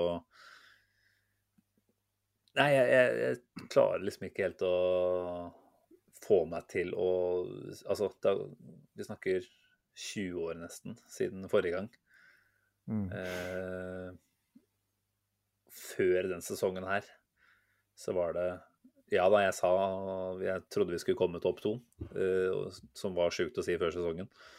Men eh, det var ganske lite da, som tyda på at uh, totalen i vårt lag kontra City, da særlig, skulle kunne ta oss, ta oss hele veien. Og det Jeg tror det blir å lure seg selv litt og tro at noe annet per nå er sannsynlig. Men som sagt, altså det januarvinduet nå, det blir på mange måter eh, ja, kanskje til og med det som avgjør dette her, da. Fordi klarer vi å hente inn en spiller eller to som er med å, om ikke løfte starterne, så i hvert fall løfte den 14-15-mannstroppen som vi gjerne bruker mye, så, så, har vi en bredde som gjør at vi kan gå inn i dette her og gi det et helhjerta forsøk. Mm. Men eh, ja, nei, jeg ser Arteta har vært ute og snakka om at det er jo et, en annen kvalitet av spillere vi er ute etter nå, med tanke på den posisjonen vi er i. Og det er igjen ganske interessant. Altså, du snakker om Arsenal som den institusjonen den fotballklubben her er. Da. Altså, der City bare er en liten uh, Ja, hva skal man Jeg skal ikke bli stygg i språkbruken, men uh, Fiseklubb? Ja, greit vi sier fiseklubb. altså, på mange måter, sorry City, de er jo det. Og ja, de har penger å kaste etter de fleste, de, men uh, jeg tror at Arsenal har en pull etter hvert nå som er uh, ganske skummel, altså. For vi er per nå det klart beste laget i den største fotballbyen i hele Europa, egentlig. Og det er en posisjon som det er ganske ålreit å være i. Og hvis vi forvalter det her riktig nå, Altså, Vi må vinne mot Wolves, da, først og fremst, for å være sikre på at vi holder den førsteplassen inn i, i VM-pausen. Men jeg tror det kan skapes litt magi på overgangsmarkedet med den uh, posisjonen der som utgangspunkt. Altså. Og da, da Nei, da, da, skal jeg tillate meg å drømme, selv om jeg som sagt sier at jeg ikke Jeg tror ikke det skjer. Jeg syns det var en helt fantastisk eh, argumentasjon fra din side her nå, Simen. Det, det, her var At City er en fiseklubb? Det var det jeg som sa. Men, eh, ja, men fikk hjelp. Jeg tenker det du sier der om vinduet. fordi nå er Arsenal i en posisjon som vi ikke har vært på så utrolig lenge. Eh, du ser Liverpool blir linka til Bellingham og, og sånn at, dem, uh, at det er den type storfisker de jakter. da. at Manchester United lukter på Declan Rice. og Jeg tenker vi skal opp dit nå. Uh, og hvis Arsenal skal kjempe kjempe Manchester City, så er det nettopp det vi må gjøre. Jeg sier ikke at det er de to, men at vi skal opp på det nivået i januar og, og, virkelig vise at vi skal være med. nå var vel faktisk Josh Cronky på match i, i, dag, ble det rapportert. og han forsvant ned i garderoben sammen med Team Lewis. Han med det Gervinio hårfestet, hvis jeg har sett bilder av han. Klipp deg, mann. altså, jeg tenker at det er det er noen signaler her som tyder på at, um, at klubben er villig til å satse. Mm. Uh, det blir skrevet litt her og der. Uh, og um, Arteta, som du sier, nevner det han gjør. Um, hvis vi skal um, ta det, det prosess Arteta på det nivået som han ønsker, og som vi ønsker, så er januar vårt første virkelig store mulighet til å ta det steget. Hvis vi lar den gå fra oss, who knows? Mm. Kanskje var det tidsvinduet jeg håper vi virkelig de drar på. Ja. Um, rett og slett. Og hvor Ja, det er kanskje Jeg har ikke gleda meg så mye til et uh, januarvindu noensinne som jeg gjør til det vinduet her. Nei, så forbered, forbered deg på å bli skuffa, i verste fall. det er derfor du ikke går høyt ut på å forvente noen ting, Magnus. Har du glemt det? Nå må du finne tilbake til ditt vante jeg. Det er ikke som en sånn derre psykologisk eh, eksperiment her, hvor jeg og du skifter personlighet over tid? Nei, jeg tror altså Jeg skulle bare bli lykkelig, men jeg føler at det gjør rare ting med hjernen min. Uh, og kanskje tenke for mye fotball. Det er det som er problemet her. Men uh, nei da, man begynner å, å, se for seg at uh, det er noe stort jevning her. Det er um, altså kanskje særlig den harmonien i den troppen, hele klubben også med supporter og alt, som gjør at det er eh, Altså, vi fortjener jo dette her, eh, per, sånn som situasjonen ser ut nå, men så mye positive krefter som er i sving nå, da. Det tror jeg liksom kan Det høres nesten litt sånn uh, overtroisk ut. Men jeg tror liksom det i seg selv kan være med å, å dra dette her eh, et godt stykke lenger mot uh, gull og grønne skoger. Det er man, man er på en måte Han har brukt eh, fem måneder med proteinpulver og kreatin på gymmen, og han har klipt seg for anledningen. og Han går på byen, og så ser man den mest brystfagre blondina står i et hjørne. Da skal man ikke sno seg unna. Da skal man gå rett bort og si hei, jeg heter Arsenal. Mm. Vil du, spille, vil du være med hjem? uh, og det, det er der vi er i januar, da. For det, det tidsvinduet det kan gå forbi smekk. Mm. Eh, jævla viktig at Arsenal kjenner sin besøkelsestid nå i januar. Mm. Ja, Arteta ønsker det åpenbart.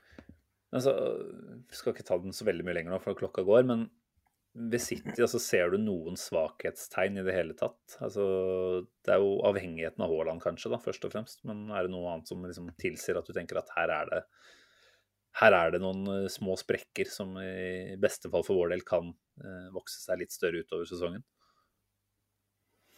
Jeg syns jo det faktum at de eh, har vent seg til å spille med Haaland Som Guardiola sa før sesongen, vi må tilpasse oss Haaland. Til dels har gjort seg litt gjeldende. Den Leicester-kampen hvor de vinner på et frispark i, mot Fulham da, på lørdag, hvor de må ha straffespark på overtid. Når Haaland da åpenbart ikke spiller hele, kommer inn etter 45. Eller hva det var? Kommer han inn litt senere? Jeg husker ikke. Jeg, jeg, Uansett, poenget mitt er at hvis Haaland er like skadeutsatt i City som han var til dels i Dortmund da. Det tyder det jo dessverre ikke på at han er, da. Men, uh... Nei, men igjen, dere snakker om mirakler i stad. At, at, planetene skal line opp i en uh, flott rekke. Mm. Så er det sånne ting som det der. Og så har de vunnet ligaen er det fire av de siste fem åra, da. Hvis vi kommer i en tittelfight når vi kommer til mars, er hvem er mest sulten? Mm. Uh, ja. Det er sånne småting, da. Marginer her og der. Uh, men utover det så ser jeg absolutt ingen svakheter, egentlig. Er de i en posisjon hvor de må prioritere litt rundt eh, CL og PL, da, så er det klart det er en av de som ikke er uh, anskaffa ennå. Så det går an å håpe. Og de har vel sånn per nå også bare spilt mot to av de andre topp seks-laga. Vunnet én og tapt én bort mot Liverpool. Mens Arsenal har jo vært gjennom hele sulamitten nå, med unntak av City, vel? Ja, Så, det er et godt poeng, det. Ja, ikke sant. Vi har jo selvfølgelig hatt, uh, hatt uh, Ja, nei, vi har to på bortebane, vi. Tapt den ene, selvfølgelig, men uh, vi har Altså, det er mange som har snakka av en eller annen merkelig grunn om at Arsenal har hatt lette kamper i hver eneste kamp omtrent. ikke sant? Man har funnet argumenter for at ja, dette var en enkel motstander ut ifra forutsetninger og sånt. Men eh, mm. faktum er at vi har gjort oss unna med mange vanskelige eh, baner allerede. Og... Vi, har bare, vi, har bare, spilt mot de 18 svakeste lagene i ligaen. Alle er dårlige i forhold til oss, så enkelt blir det jo. Mm. Og nå har vi vel fordelen sånn sett at vi skal opp mot eh, ja, Man kan jo sikkert si at det er en ulempe å ikke ha den til gode, men vi har jo først den utsatte hjemmekampen mot City før den som vel opprinnelig er satt der, kommer litt senere, da. Eh, men det er klart at skulle være så gode at vi kan gjenta og gjenskape den fjorårsprestasjonen mot City og hente et resultat der, faktisk, da. Da, da begynner vi å snakke om en liten eh, seriefinale allerede. Det er vel en mulighet for at den blir satt opp en gang i januar, kanskje. Oh, seriefinale, faktisk. Det er litt av et begrep å skulle snakke om som Arsenal-supporter. Uh, ja, vi, vi, har, vi, har, bortekamp mot City i slutten av april, så det er klart den kan mm. jo sånn sett teknisk sett bli mer enn seriefinalen, Men jeg mener at vi, kommer vi ut av den hjemmekampen mot City med både prestasjon og resultat, da, så er det det er en gjeng som tror. Og det, den gjengen her tror mer og mer for hver uke nå. Og så snakker de pent lite høyt om det.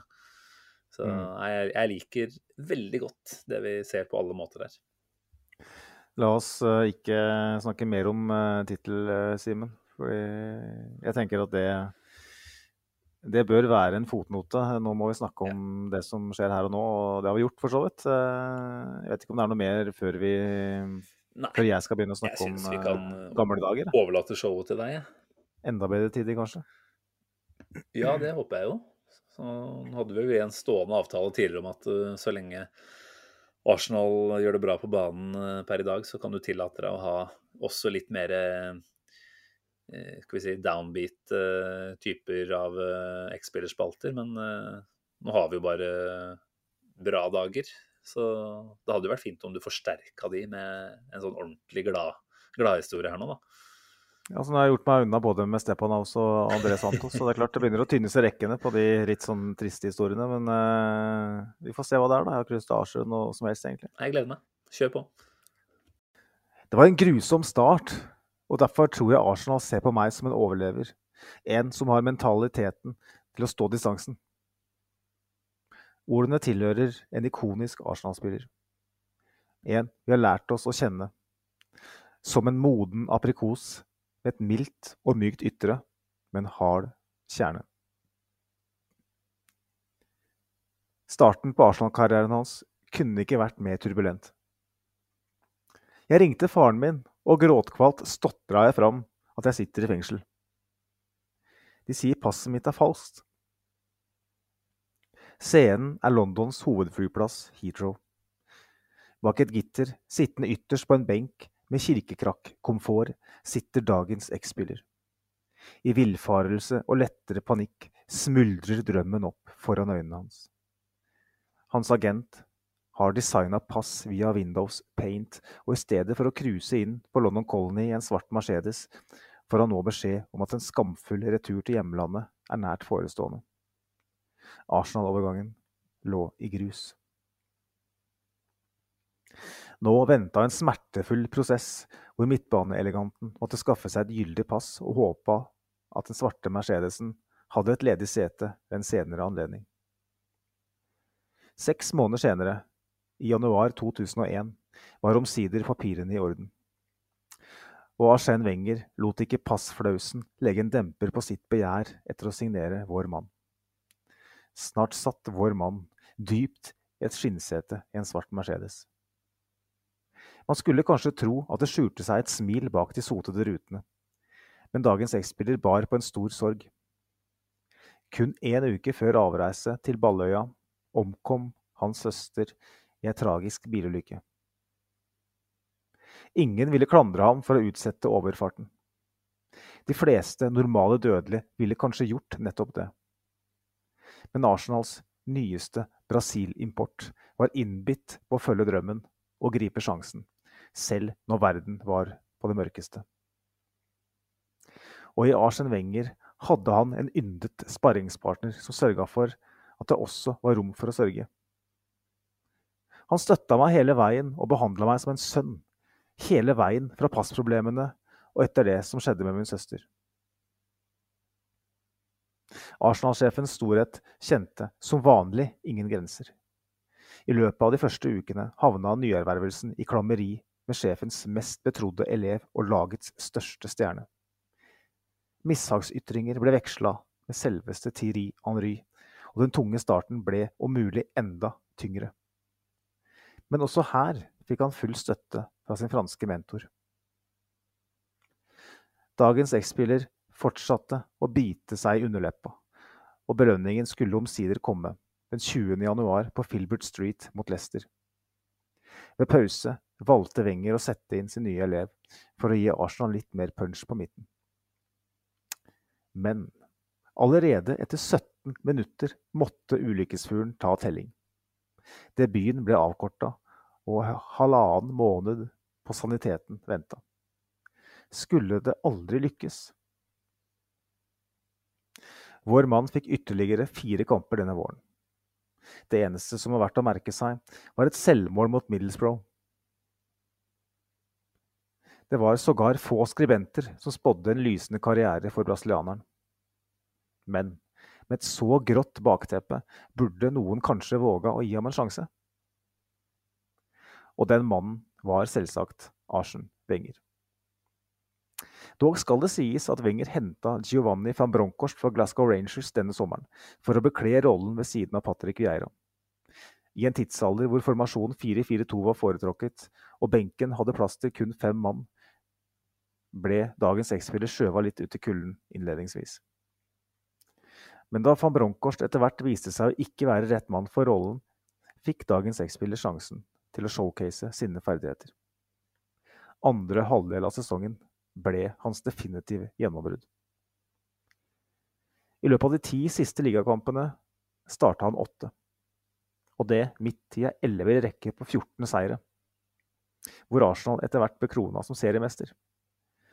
Det var også ny Premier League-rekord i antall seire på rad. I kampen borte mot Manchester United i mai, hvor tittelen ble sikra, spilte han en svært god kamp. Og med det kunne han på mange måter legge den vonde fortida bak seg. Han var nå en etablert førstelagsspiller i England på Europas kanskje beste fotballag. The Gunners vant for øvrig også FA-cupen denne våren, og Wenger kunne juble for sin andre dobbel engelsk fotball. Den påfølgende sommeren fikk vår brasilianske venn selskap av et kjent fjes. Verdensmester Gilberto Silva ble henta til N5.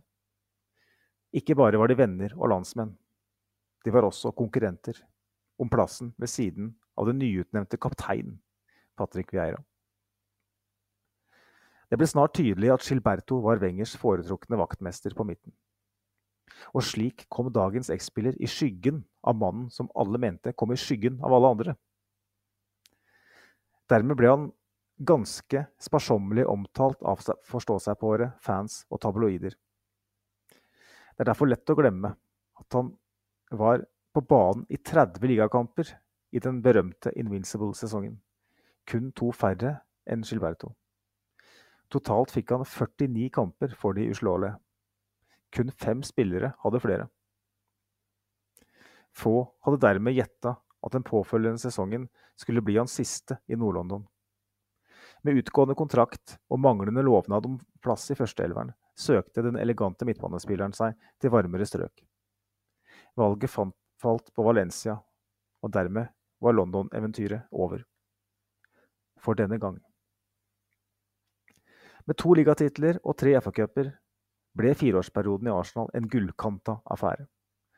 Og tross i at han definitivt ikke huskes som den mest fremtredende spilleren fra denne perioden, får han gjennomgående varme omtaler for sine bidrag.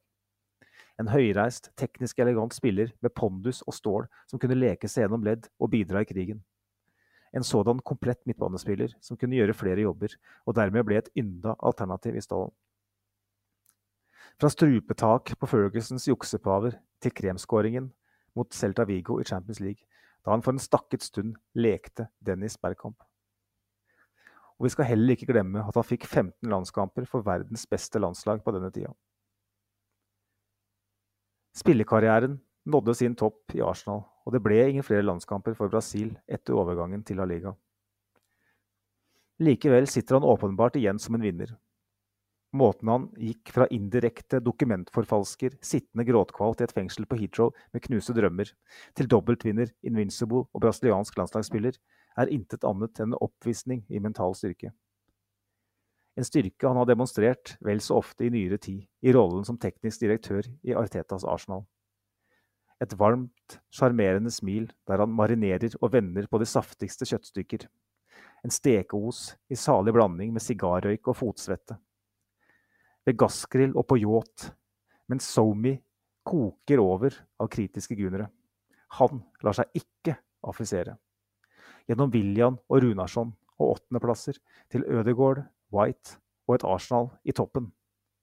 Han lar seg ikke affisere. Myk på utsiden, men med en knallhard kjerne. Aldri avskriv Edu Gaspar. Oi, oi, oi. Det er så bra nivå, Magnus. Altså, for, for en leveranse du holder på med her, altså.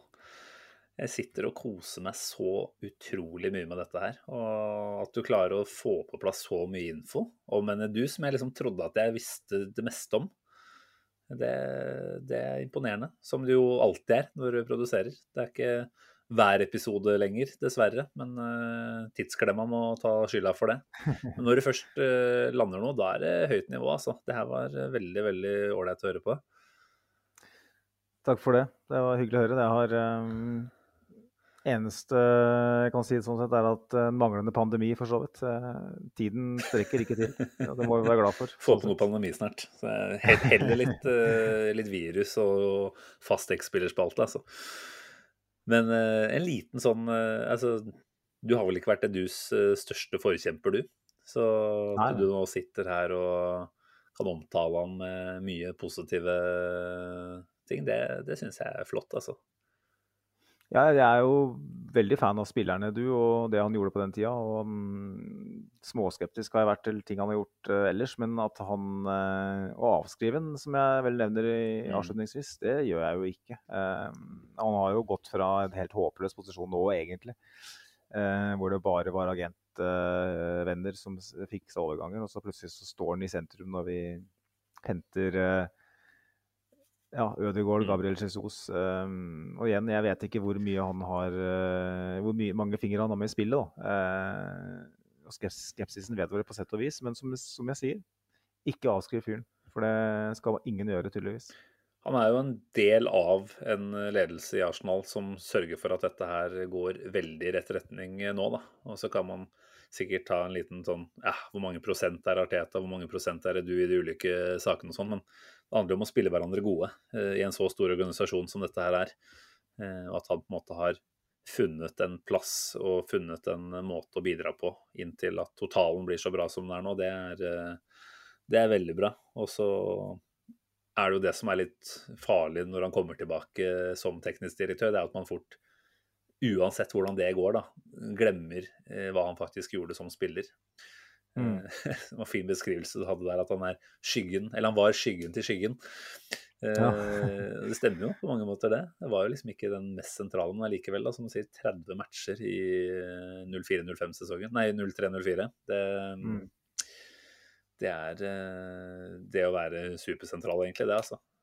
Så, Ja, det var jo noen som påpekte her ganske nylig at uh, over tid, da, nå, nå er det snart 20 år siden det her, eh, så har vi en veldig sånn klar førsteelver i bildet. Med, alle kjenner den for så vidt. Med, bare for å ta midtbanen, så er det Jungberg, Gilberto, Vieira, Pires. ikke sant? Mm. Så har du forsvarsfireren, og du har Bergkamp og Andry på topp. Alle tror at de spilte tilnærmet alle matchene i den ligasesongen, men de hadde, det var utrolig få kamper hvor alle dere starta. stemmer det. Ja.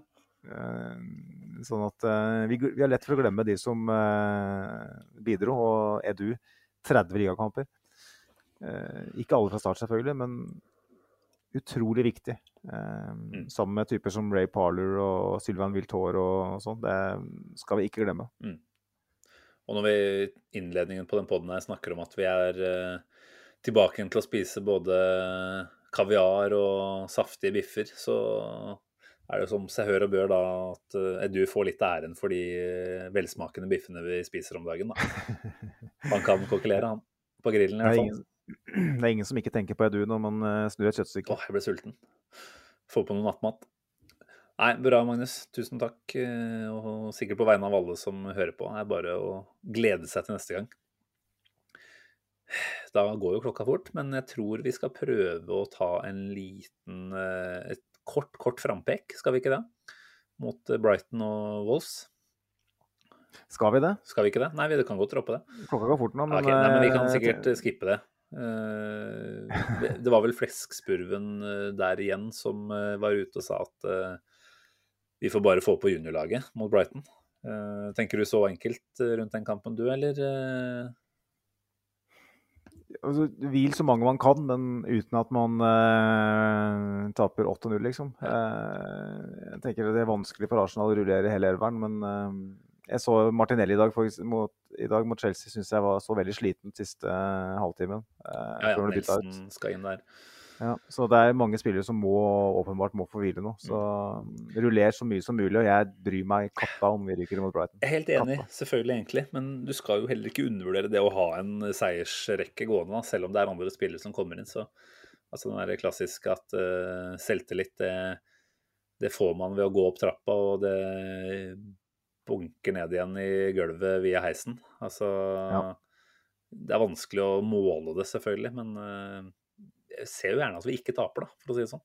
Det er vel et, eh, det er vel et eh, enkeltoppgjør med kun 90 minutter pluss straffer, er det ikke da? Det er vel ikke Er det ekstraomganger lenger i, i Carabao? Jeg tror ikke Nei, det. jeg tror kanskje de har skippa det. Så sånn sett så Ja, vi får se hva vi får. Nå har jo Brighton begynte å skåre mål i det siste òg, så det kan jo selvfølgelig bli Mm.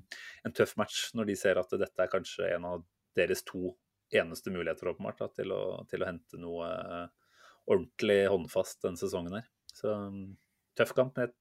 Ja, selvfølgelig enig i at vi ikke skal prioritere den opp, men så ser vi at det Wolves-laget vi møter til helga, er kjempeutsatt. Da. Altså, Costa er jo ikke med. Eh, de fikk jo Nelson Semedo utvist nå, så han er jo heller ikke med.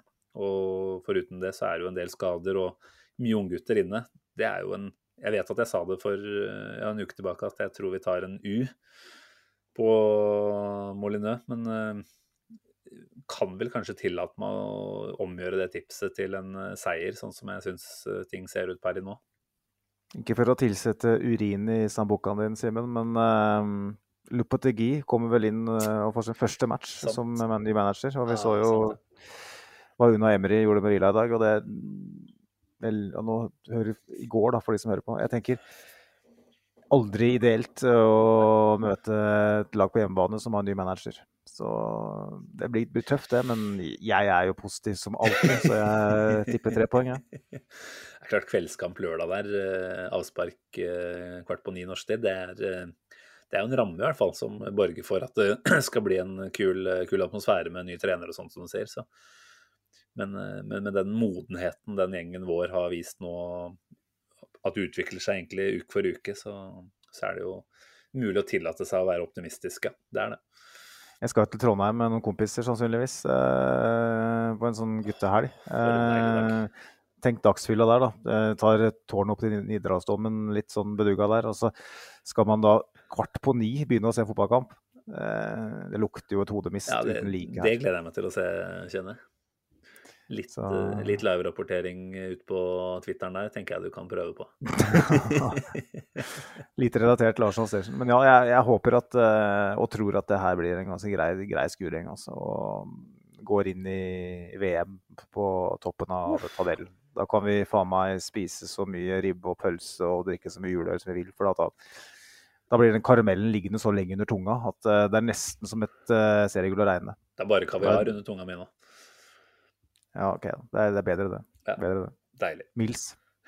Mils skal vi gjøre. Det er vel ikke det vi snakker om, nei. nei, men eh, kanskje det er riktig sted å sette en strek for i dag, da. Du nikker. Absolutt. Ja, da, men da er vi enige.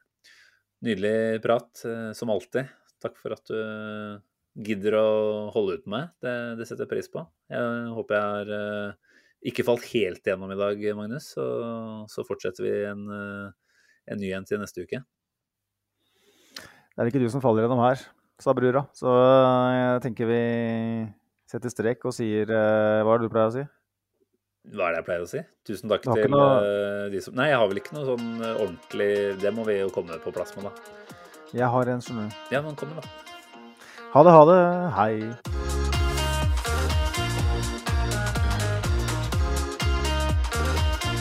This train terminates here.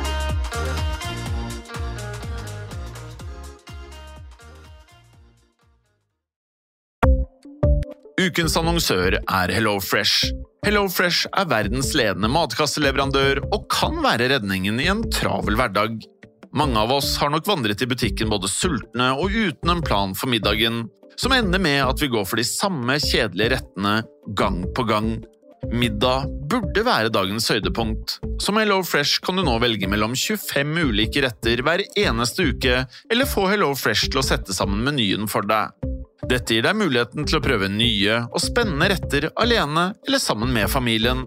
Du velger antall porsjoner og får alt levert på døren på et tidspunkt som passer for deg. Oppskriftene er enkle, og maten er lett å lage både for store og for små. Ved å få alt levert hjem får du også mer tid til å dele matgleden med familie og venner. Kanskje det frister med asiatiske tacos eller greskinspirert kylling? Da kan jeg anbefale deg om å gå inn på hellofresh.no. Her kan du bruke koden FOTBALL og få opptil 1779 kroner i rabatt på de første fem matkastene hvis du ikke har prøvd Hello Fresh tidligere. Du kan også bruke rabatten hvis du har vært kunde og stoppet abonnementet ditt for tolv måneder siden eller lengre. Gå inn på hellofresh.no og bruk koden FOTBALL. Har du et enkeltpersonforetak eller en liten bedrift? Da er du sikkert lei av å høre meg snakke om hvor enkelt det er med kvitteringer og bilag i fiken, så vi eh, gir oss her, vi. Fordi vi liker enkelt. Fiken superenkelt regnskap.